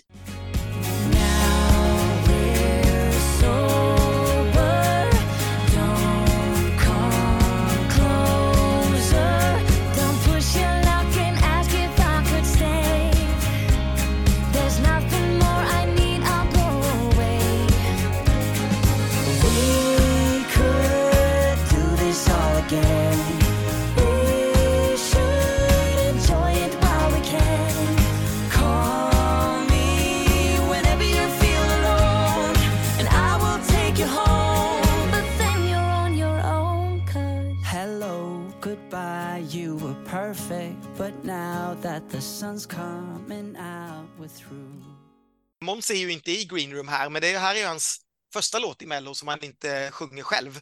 Eh, och efter det så blev det ju en till sen till eh, Berang Miri och Viktor Krone 2015. Men då var han ju på plats i Green Room och på Bibar eh, det där året där han vann. Men det som är lite roligt här är också eh, Mattias Larsson och Robin Fredriksson som är ju två namn som kanske bara far förbi och en låt som bara far förbi. Det här är deras enda låt i Melodifestivalen. Men de blev ju sen mera kända, eller de kanske redan var det då, som producentduon Mattman and Robin, det är humor, Mattman and Robin, som har skrivit låtar som till exempel Cake by the Ocean, som ju är Mhm. ganska känd, eller Lose, eh, Lose You to Love Me med Selena Gomez.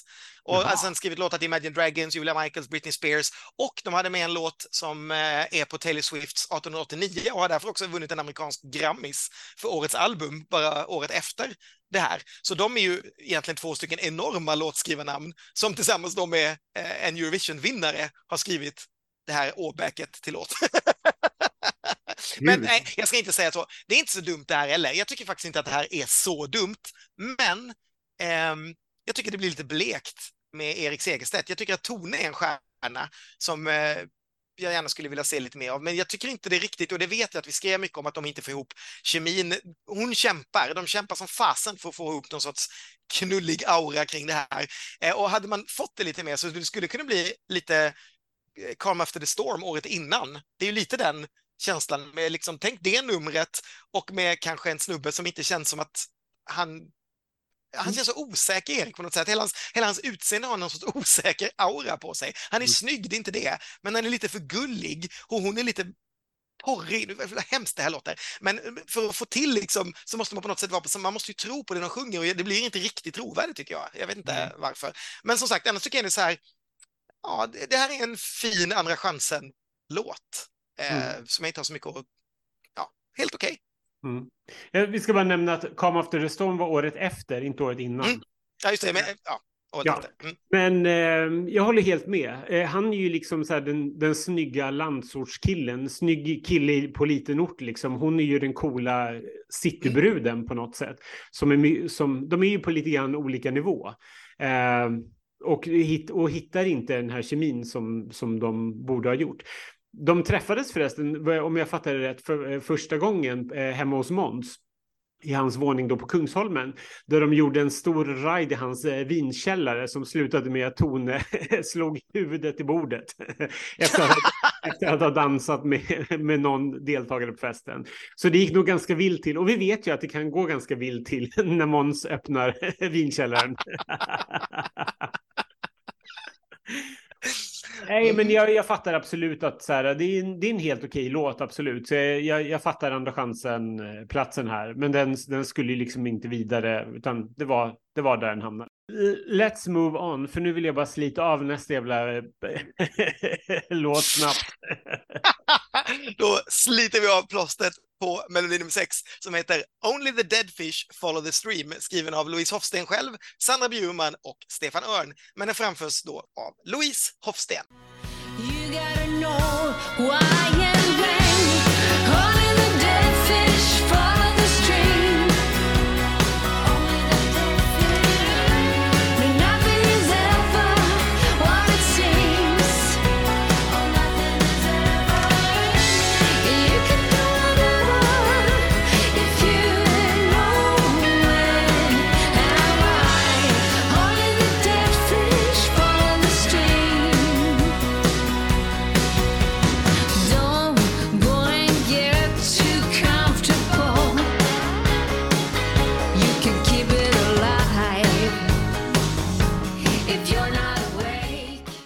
Jag tycker att det här är en så tråkig låt. Jag känner till 100% för, för Louise och jag tycker hon verkar vara en jättemysig eh, människa.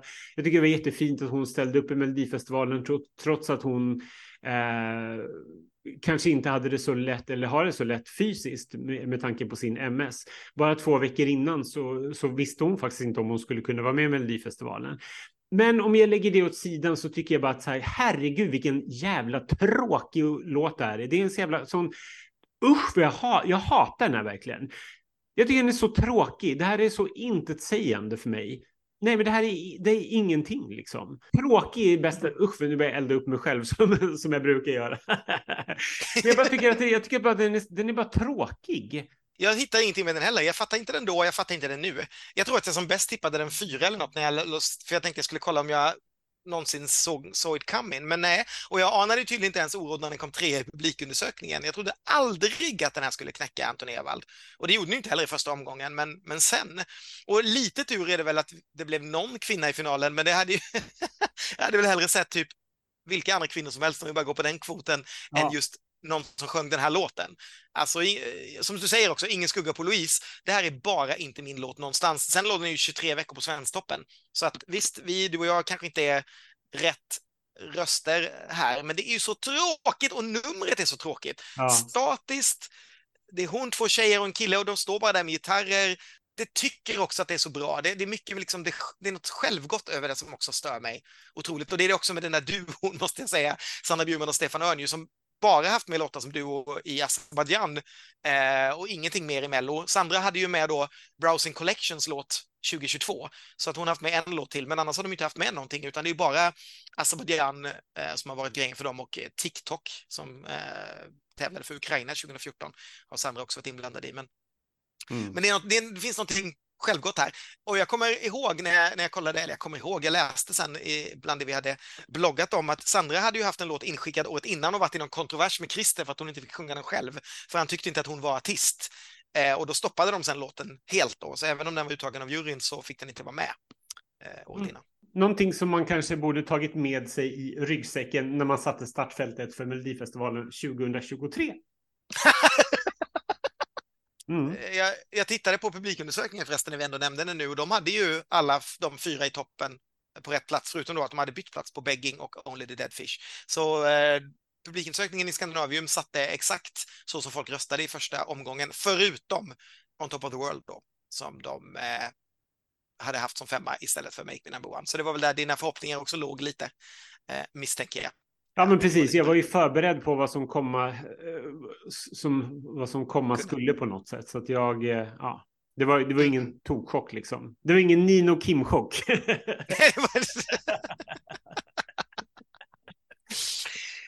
Ja, nej, vi lämnar Louise Hofsten ganska snabbt, tycker jag, och hennes låtskrivare och går in på melodi nummer sju. Den heter En förlorad sommar. Den är skriven av Thomas Andersson Vi och den framförs av Rickard Wolff och Sara Isaksson.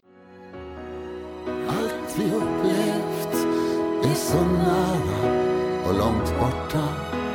Jag vet, jag kom till korta. Förlåt mig än en gång.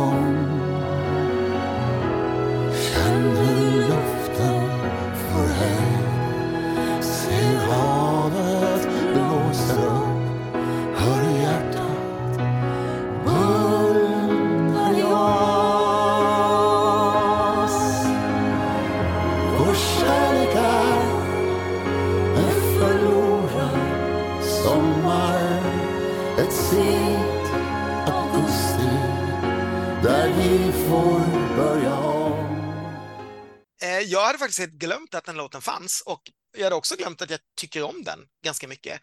Eh, Det här är, låter helt hemskt, men när jag kommer ihåg så här, ah, Rickard Wolff var med, nej men det var nog ingenting jag gillade, var typ min magreaktion. Och sen när jag såg det här så tycker jag att, nej men det här är ju, alltså Wolf är ju en ganska speciell artist, så jag förstår att det var ganska mycket människor som inte tyckte att det var deras påse. Men jag tycker att det här är en superfin låt och jag tycker också att Saras röst när den kommer in på slutet, alltså ger låten någonting extra och jag tycker att det är så mycket bättre än Louise låt innan. Eh, även om jag kanske som sagt inte tycker att wow, det här ska vidare till final eller vinna eller så vidare, så tycker jag ändå att det här är eh, en, en, eh, en, liten, en liten pärla och jag kan inte förstå så här, att Torsten Flink han ska till final, men inte det här. För mig är det ungefär samma genre, men att Rickard inte var liksom en galen metoo-alkis, men, men då skickar vi inte vidare det här, utan då ignorerar vi det helt. Ja, jag, jag ska inte prata för mycket. Det, det här kanske inte är något jag går runt varje dag och grämer mig över att det här inte gick vidare. Men jag tyckte det var väldigt kul att hitta den igen, eh, även om den är lite, jag tycker den är söt. Jättefin. Mm. Det ser man. Ja, det tycker inte jag. jag Nej. nu, Nej, det, här, det, här, det här ger mig ingenting. Och nu säger jag och nu kommer jag väl få eh, halva förbannade gay-Sverige på mig och hbtq-eliten. Men han är ju ingen sångare. Nej, Jag, bara, jag, bara klarar inte, jag klarar inte av, förlåt, men jag klarar inte av Rickard, Rickard Wolff som artist. Jag tycker att han är, usch, jag, nej, jag klarar inte av hans röst. Jag tycker liksom så här, det hittar på. Det, han gör någonting som han vill göra, men jag tycker inte att det är bra. Det, nej, han är ingen sångare och man behöver inte ha världens finaste röst, men jag, bara, jag, har jättesvårt för det här, hans knarriga röst. Han ska liksom läsa upp ljudböcker eller vara skådespelare, han ska inte sjunga. Han ska vara eh, i Lejonkungen, han får ju till och med eh, Ja, men där är, där är ju lite innan. Men som, som artist tycker jag att det, det, det är en av livets stora mysterier, hur Rickard Wolff kunde, kunde turnera och sälja eh, musik. Han får faktiskt väsa lite ur Lejonkungen. I killed Mufasa innan eh, till Gina. Hon Han, kom, han, kommer väl, han kommer väl komma i natt och väsa i mitt öra för att jag har sagt det. ja, nej, Ja. jag, jag, bara, jag, jag gillar inte alls det här. Eh, Det här tycker jag bara... Nej. Det är förresten Thomas Anderssons vis enda, enda låt i Melodifestivalen eh, någonsin, förutom att han då själv givetvis gjorde Evighet eh, i finalen 2007. Ganska klassiskt, men eh, annars är det här det enda han har skrivit. Det är lite Tack och lov. Ja, vad kul att vi var oense om något. Den här tyckte jag var jättefin. Den här la jag genast in på en liten lista över låtar som jag hade glömt bort. Jaha, är- så att, så att On Top of the World, den spelar du aldrig, men den här sommarlåten med Rickard Wolff, den, den åker bums in på en lista. Den, den kan halka med, kan man säga. Du, du pratar om att det här, den kommande blir din sista turné. Det här, blir min, det här var min sista turné. Du, Ja. Vi lämnar eh, Rickard då och så går vi in eh, på sista låten i den här podden och eh, i den här deltävlingen också. Här går det faktiskt inte in någon artist på eh, catwalken utan man bär in en keps till tonerna av fanfaren från Rocky. Eh, det är låten Copacabana, den är skriven av Olle Lindholm, eh, Hans Blomberg och Joakim Larsson och då artisten själv som är Sean Banan. Mer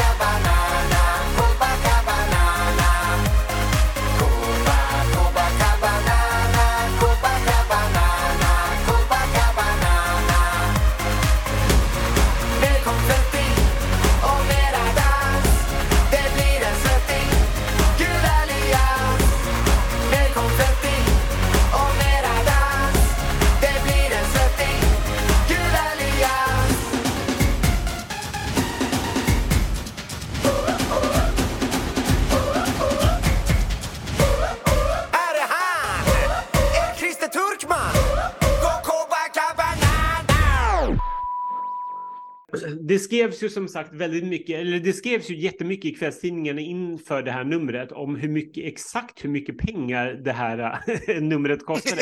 Och hur mycket skivbolaget var liksom beredda att slänga in i, i alltihopa. Det är helt galet hur mycket, hur mycket pengar det gick åt på den här tiden för att satsa på bra nummer. Den kostar alltså 3000 kronor i sekunden, eh, en halv miljon kronor totalt. Det innehåller 25 klädbyten, sju inhyrda statister och Sean Banan gick runt under melloveckan och delade ut klistermärken där det stod rösta gult. Det blev också väldigt mycket skriverier under veckan om att han hade skadat knät under ett rep och produktionen hamnade då i krismöte för det här skadade knät. Men det gick ju som ni eh, då ser ganska bra. Eh, jag tycker att det här numret är superhärligt. Det här är ju ett riktigt mellonummer. Det händer ju så mycket så att man inte vet var man ska titta. Um, Sean Banan om, kringgick ju också det här med att man inte fick, att man bara fick ha x antal personer på scen då han plockade in statister som stod ute i publiken. Och det tror jag att SVT har sett till att det här kan man nog inte, inte göra. Men Sean Banan, han går sin egen väg och gjorde ju det här numret med så mycket olika personer runt om. Um, jag tycker låten innan, som man tävlar med um, 2012, Sean den första banan, är så mycket bättre som låt.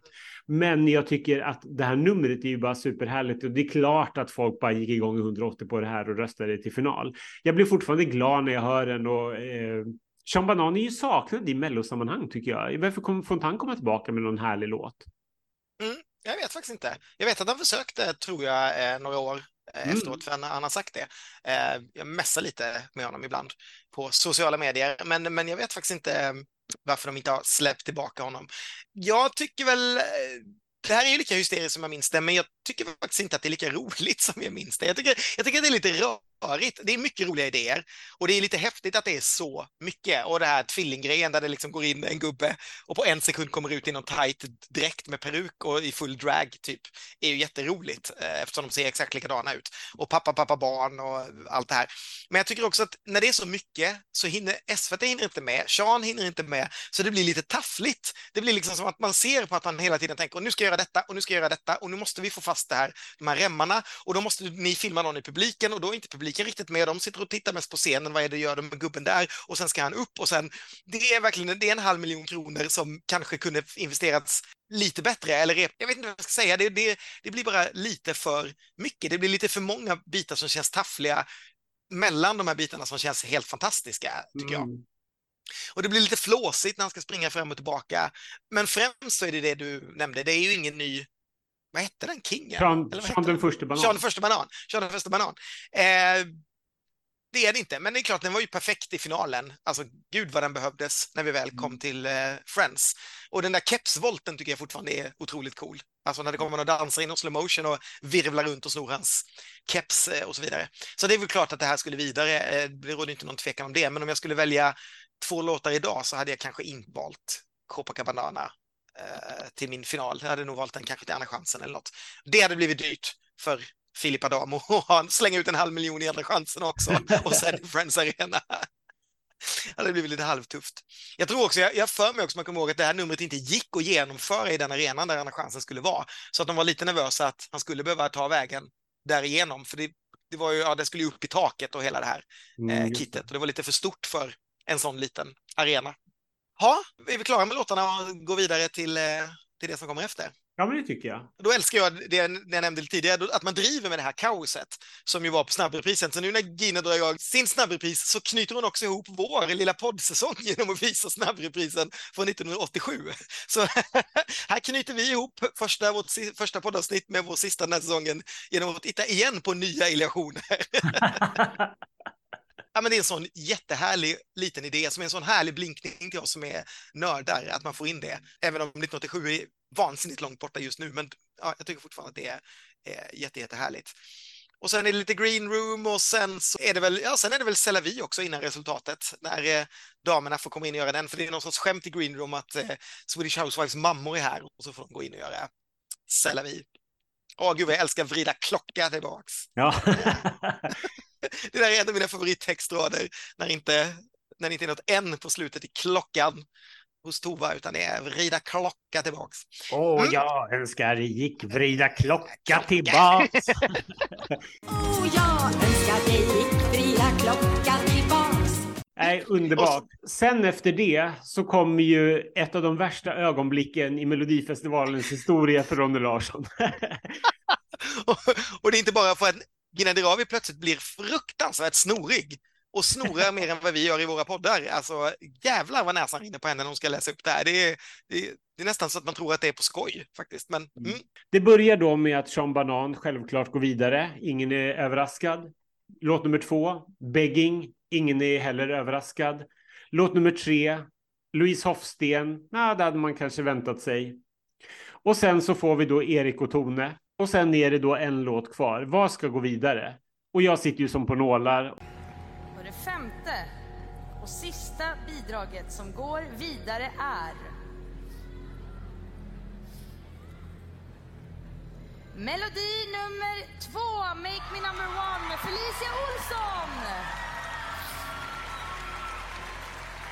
Och där och då så tas min Melodifestival-oskuld. Nej, det gör jag faktiskt inte. Jag hade ju varit med om... Jag kommer alltid dra det här som referens. Jag hade varit med om Nino Kim. Det skulle inte bli mer traumatiskt. Då jag gav upp Melodifestivalen i två veckor. Det gjorde jag ju inte, utan jag, vi, det blev ju en slag i studio och vi åkte ju på efterfest. Och så uppgiven var jag inte. Jag hade ju någonstans förberett mig på det här. Men det var inte jättekul när Felicia Olsson var den sista finalisten. Eh, sen kommer inte jag ihåg någonting av det här numret som kommer efteråt med det här Bollywood-numret av In the Club. och att vi får se Per Andersson igen. Nej, då hade jag gått på flaskan. Nu, och då ska vi, ska vi gå till, till, till, eh, till det här med mellanaktsnumret som kommer sen. För nu, jag, jag känner att jag lite, jag, jag, Mm. jag jagade upp mig lite när jag såg det här kände jag. Ja. Eh, och då, då vill jag säga så här, eller jag vet, jag vet egentligen inte hur jag ska börja. Eh, den här, det är då Indie Club, eh, Mm. är ju själva skämtet då, att det är Indie, Indie Club har blivit Indie Club. Sen att, att Indie Club för mig är mer så här Indie-klubb, att det känns lite mer så här Way Out West än kanske just Indien. Det är väl en annan sak, men jag lämnar den. Och jag kan också lämna det här med kulturell appropriering för att ja, det var ju inte ens ett uttryck 2013, men det är klart att det är det. Men det som jagar upp mig mest och som jag tycker är det mest konstiga, det är att om man gör en kulturell appropriering så kan man väl åtminstone använda rätt kultur. Det är det som jag tycker är det konstiga. Så man vill göra ett Bollywood-nummer, man gör om låten till ett Bollywood-nummer och sen klämmer man på alla helt fel kläder så de ser ut som Alibaba och hans 40 rövare från Tusen och en natt. Det är lite som om man gjort om en låt till en jojk och sen klätt på alla sådana här indiankläder som man har i gamla rasistiska västernfilmer. Eller om man liksom hade gjort en sorba av den och sen så hade man klätt alla med randig tröja, basker och baguette. Det är som att vi, vi vet inte skillnaden på Mellanöstern och Iran och Indien i Sverige så att vi kan bara ta de andra kläderna för bara folk ser lite fluffiga byxor så skiter svensken i det. Och det kanske de gjorde också. Men det kan jag störa mig på otroligt, speciellt när man som jag då jobbar med människor från massa olika kulturer och från de här två olika, om de skulle se på det här, de sitter ju också hemma och tittar på tvn och Melodifestivalen, de måste ju tro att svenskarna är helt dumma i huvudet. Det är så här, vi, vi förväntas bara inte tänka på det för att vi är lite, nej, för vi, vi, vi, vi är lite halvrasistiska, så vi vet, vi vet inte skillnaden på Indien och Iran eller på Kina och Australien. Det är så här, äh, vad fan, det är bara de sjunger så fattar de folk att det är ett Bollywood-nummer. Det tycker jag är jätte, jättekonstigt. Det är intressant. Jag hade faktiskt inte tänkt på det. Och jag vet faktiskt också att det var någon, jag tänkte nog inte lika mycket på det då, men jag vet att det var någon kompis till mig då som jag jobbar med som, som lyfte det här. Eh, och jag frågade och SVT viftade bara bort det. Eh, som att, jaha, ja, nej, men det är, väl, det är väl ingen som tänker på det. Och den meningen funkade ju säkert 2013. Den hade inte funkat 2023. Det hade blivit ett jävla ramaskri om man hade mixat ihop två stycken kulturer så här Ja, eh, tror jag. Sen så tycker jag fortfarande inte att om man hade gjort det rätt och gjort det som ett Bollywood-nummer så skiter jag fullständigt i den typen av kulturell appropriering eller om man nu ens är det. Det tycker jag man fortfarande ska få göra. Fan, det handlar ju om att hylla en kultur eller att göra någonting som någon annan kultur gör utan om man inte gör liksom making fun of it. Mm. Eh, men det blir ju väldigt konstigt när man blandar och då, då blir det ju respektlöst på något annat sätt kan jag tycka. Mm. Ja, det var, det, var- jag kände bara att jag gick igång med det, men jag ska inte prata så mycket om Per Anderssons eh, sketch. Inte ens för att Gina säger nu ska vi besöka en familj i Mölndal och så säger det första som händer är att Per Andersson öppnar dörren och säger välkommen till Göteborg.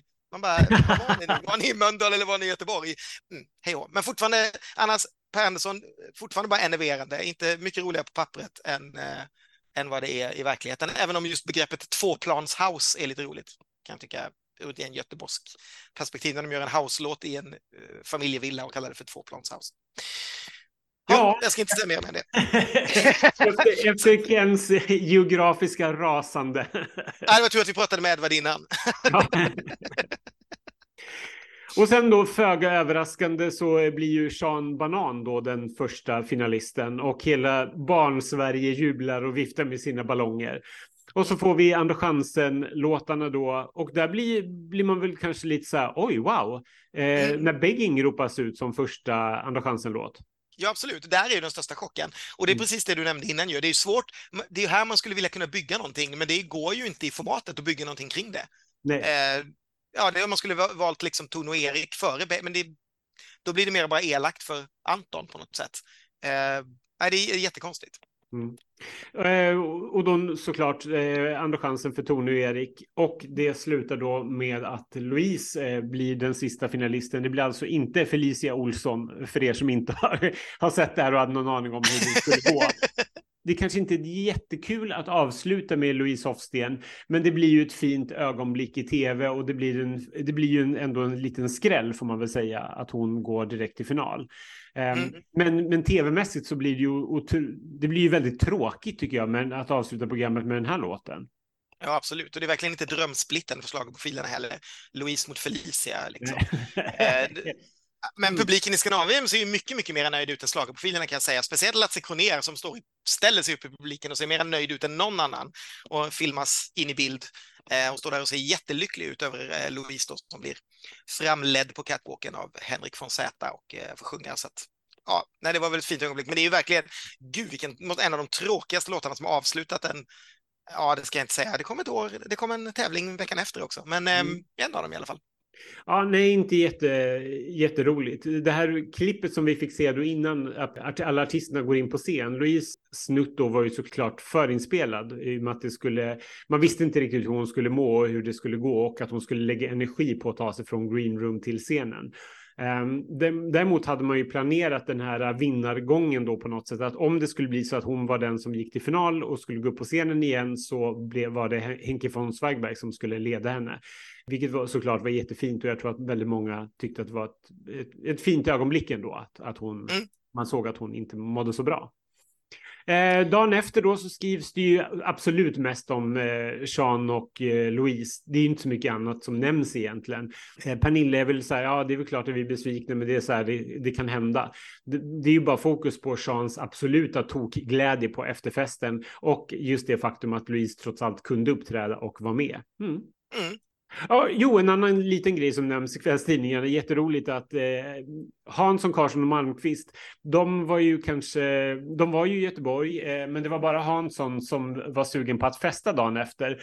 Hon sa, citat i Expressen, de är sådana töntar, Siv och Tova, de går och lägger sig nu. you go girl! Otroligt fascinerande, jag måste bara säga att Ann- Ann-Louise Hansson var då 68 år, Siv var 76 och Tova var 76 också. Så de är alltså, Siv och Tova är alltså 86 i år och eh, Ann-Louise Hansson är 78. Jädrar. alltså. Ja. Jag vet inte vad, vad mer jag ska säga. Jag, jag, tyckte ju, jag tycker att Begging är en låt som ska gå direkt till final och jag, jag kommer ju fortfarande hävda att jag tycker Swedish Housewives ska vara i final. Så jag kommer säga att det var de låtarna som jag skulle vilja att de gick vidare. Sen så, ja, jag vet inte, det är inte så mycket att säga. Det är klart att Sean ska vara i final också. Jag hade nog också kanske plockat dem ändå för att jag hade tyckt att Swedish Housewives hade varit kul i finalen. Men jag är ändå som sagt svag för Felicia så jag hade nog ändå lagt henne då och Sean som vidare där. Och som sagt, jag tycker inte heller, jag tycker det här är en, en bättre, även om det inte är fantastiskt, så är det ju en mycket, mycket bättre deltävling med det är, inte, det är inte mitt resultat, men låtmässigt så känns det ju Ja. som en, en helt rimlig melloblandning för den mest sedda deltävlingen genom tiderna, om man säger så. Ja, men absolut. Och det trycker ju eh, båda krönikörerna på också. Att sen, nu, det här är ju en mix av precis det man förväntar sig av Melodifestivalen. Det finns liksom de här unga coola debutanterna. Det finns någon, så här, någon gammal artist som debuterade i Melodifestivalen, Louise Hofsten då, och Anton Ewald-typen. Och det är, de här gam- det är en stor slager och Sean Banans för barnen. Det är så mycket liksom som, som känns rätt. Man hade ju velat skramla om, alltså sätta de här ettan och tvåan och kanske skramla om dem lite mer. Mm, jag håller med. När man ser dem så här i rad så blir det helt obegripligt och ändå så blir det så. Det blir mera begripligt när man ser dem på rad. Man hade på något sätt velat haft hela högen på något sätt. För att det är också svårt när man börjar flytta runt kanske eftersom det är så mycket bös i första. Jag vet inte riktigt hur jag skulle placera dem annars. Det kan man ju, det kan, kan ni ju diskutera i små grupper. Eh, hur ni skulle vilja placera de här 16 låtarna i två deltävlingar annars. Mm. Vad säger du, ska vi knyta ihop den här påsen? Kanske. Men du, det känns ju ganska gjutet att vi ska ringa upp den eh, framgångsrika fin finalisten Sean Banan och bara kolla hur han minns tillbaka Copacabana och eh, den, hur han gjorde av med den här halva miljonen.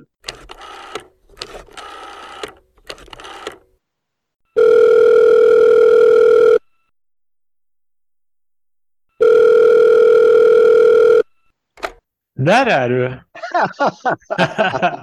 Hur föddes Copacabana? Eh, För du hade ju varit med 2012, det hade gått bra, men du hade inte nått finalen som jag antar att du ville. Var du liksom helt bestämd i att jag måste vara med nästa år? Ja, ja, ja, ja, ja, självklart. Det var, jag var bestämd, skivbolaget var bestämda, producenterna var det.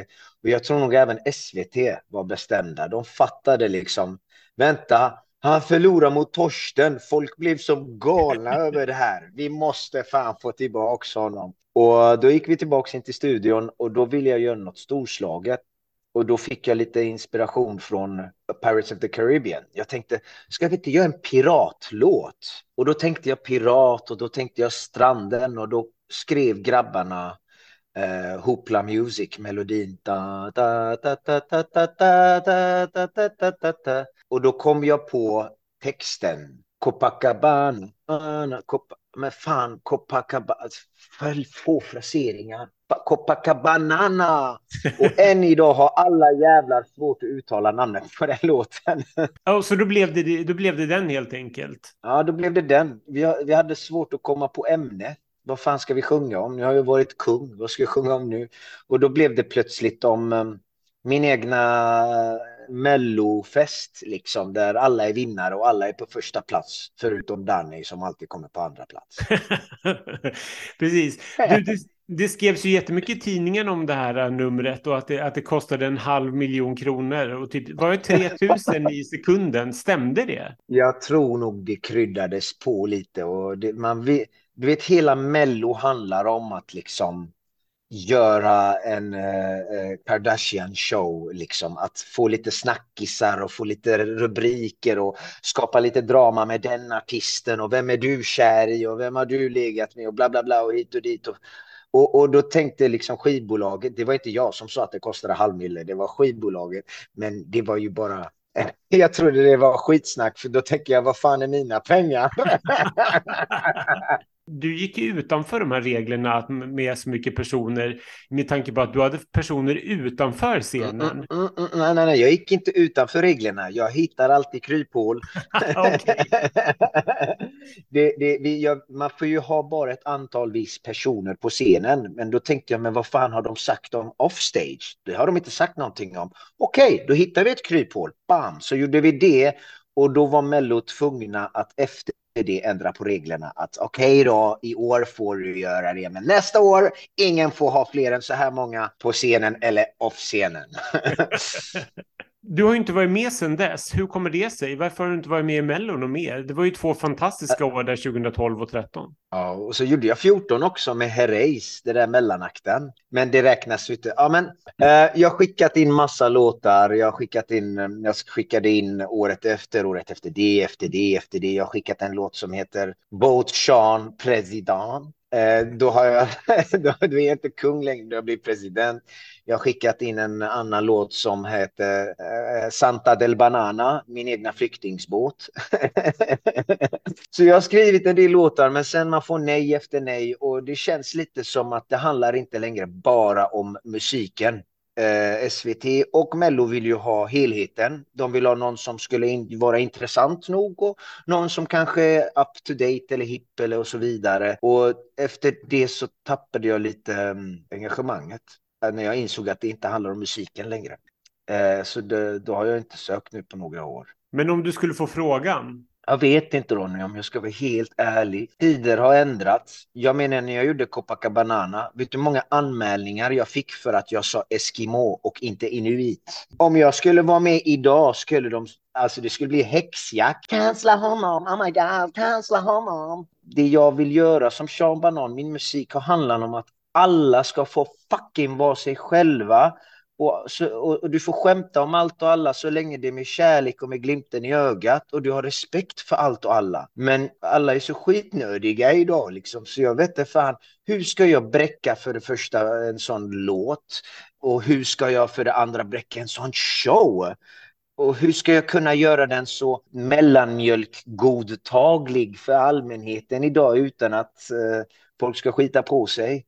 Mm. Eh, jag, jag vet inte. Det, det blir en jävla utmaning. Så om jag skulle få en förfrågan idag, jag är 50-50 Ronny, eh, men jag ska ge dig en liten hemlighet. Jag har jobbat med Anders Wrethov på Åh! en monsterhit. Monsterhit. Och vi får se. Vi får se vad vi gör med den. Spännande, det låter jätteroligt. Men du, när sjöng du Copacabana senast? Bara nå- några veckor sedan. Jag är ute och giggar hela tiden. I, I 13 år har jag, ända sedan 2010 har jag turnerat runt hela Sverige eh, och bananifierat hela landet med alla mina låtar från Skaka rumpa till Gott nytt jul till Sean the första banan och Copacabana. Så jag åker runt nu och giggar runt. Men jag måste med tanke på att vi pratade om deltävling två där 2013. Vad minns du från den i, i övrigt, förutom det här storslagna numret? Jag minns att innan jag skulle upp på scen så när jag blir nervös så blir jag dålig i magen. Och jag minns hur skivbolaget i panik sprang runt och jagade Imodium för att det inte skulle bli olyckor på scenen. Eh, Jag minns också att min kära underbara klantarseldansare Jamalde, jag älskar dig men jag hatar dig, eh, som vanligt kom, eh, kommer sent och liksom han skulle göra volten och så vad gör han? Han skadar artisten liksom. När jag hänger där i änglavingar och blöja så kommer han göra en volt in i mitt knä liksom och bara paff. Eh, men det löste sig. Jag minns också att eh, vid ett tillfälle blev jag så stressad och arg att jag höjde min röst för två kollegor på Sony Music och jag kände inte igen mig själv. Och direkt efter det bad jag om ursäkt till dem. Erik Stenhammar och underbara Katinka. Det var då jag började inse mer och mer att man får inte glömma att ha kul. Om jag gör Mello igen så kommer jag göra det annorlunda. Jag kommer göra om, jag kommer göra rätt. Jag kommer inte glömma, jag kommer fokusera mer på det roliga. För det är det som är viktigast. Och vad, vad håller du på med? Du håller på att repa musikal. Djungelboken The Musical är en musikal som äh, satts upp av äh, Robert Röse äh, och Anna Norberg. De har gjort en egen variant av äh, Djungelboken och så har de äh, gett mig en roll. Jag skulle spela King Louis fast de har gjort äh, om honom till kung Gibbon. Och Okej. så får jag lägga min egna lilla touch i det hela. Så ja, jag får sjunga låtar, jag får sjunga låtar på mitt sätt, jag får sjunga låtar på andra sätt och jag får, alltså det passar mig så jävla bra. Jag får göra något helt nytt, men ändå inte. Det känns, ja, det är som bananen i skalet. Det, jag menar, jag har varit en teaterapa hela livet. Nu får jag äntligen jobba på en teater som en apa. Fan vad fint att höra. Kul. Slutligen då, om du, om du är tvungen att välja Copacabana eller Sean den första banan? Showmässigt eller låtmässigt? Båda. Copacabana-showen är oövervinnerlig. Jag vill inte skryta, men nu fucking skryter jag för jag har lagt ner blod, svett och tårar i åtta månader på den showen. Jag har inte sett någon sedan 2013 göra en sån liknande show under Melodifestivalen och jag hoppas att någon bräckar den för då får jag en utmaning och slå den personen. Låtmässigt Sean den första banan. Men jag kan ge dig en, en annan liten grej om gällande den showen. Jag, Mm. jag, jag, kom, jag härstammar ju från Iran och det står ju på min svenska pass att jag är född i Iran. Varje gång jag åker till USA så blir det alltid lite strul vid tullen. Där får jag sitta några timmar eh, vid förhör. Men då gör jag samma sak varje gång. Då säger jag till polisen Google Sean Banan Melodifestivalen. Och då får de alltid se mig i vingar och blöja. Och då tittar de på mig och säger It's okay, let him in.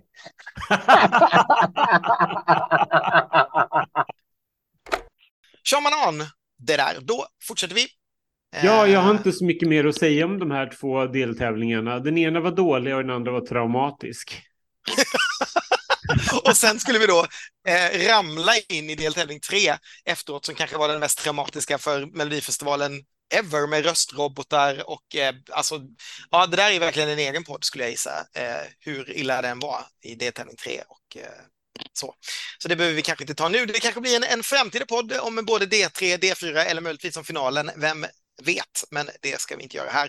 Utan, eh, nej, men då kan vi väl helt enkelt säga så att vi tackar för den här säsongen. Eh, för er som följer oss på vår vanliga kanal så kommer det snart att börja dyka upp små poddar om 2023. Nu ska det ut i landet och faras och för er som följer den här podden på vår nya kanal med bara eh, fel låt vann, så kommer det kanske komma lite reprissändningar från tidigare år som ni kan följa hela vägen under våren. Ja, men vi kanske ska flika in också att så här, för, för alla er som känner så här, men gud vilken kort säsong.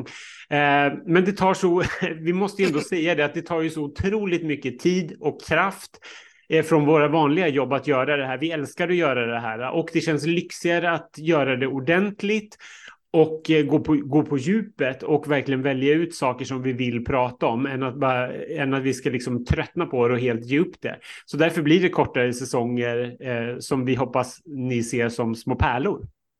Exakt så. Och sen hoppas jag ju också att ni fortsätter följa oss under Melodifestivalen eh, eh på vår kanal och dessutom efteråt så kommer det såklart förhoppningsvis, såklart ska jag inte säga, så kommer det förhoppningsvis bli inför Eurovision-poddar som vi också har. Så vår säsong på Schlagerprofilernas podcast, den är ju lite längre. Den består av några avsnitt sådana här, men sen också om rapportering från Melodifestival och inför Eurovision. Så det kommer mycket mera godis, men just det här inför eh, Fel åt delen kanske vi sätter punkt för nu.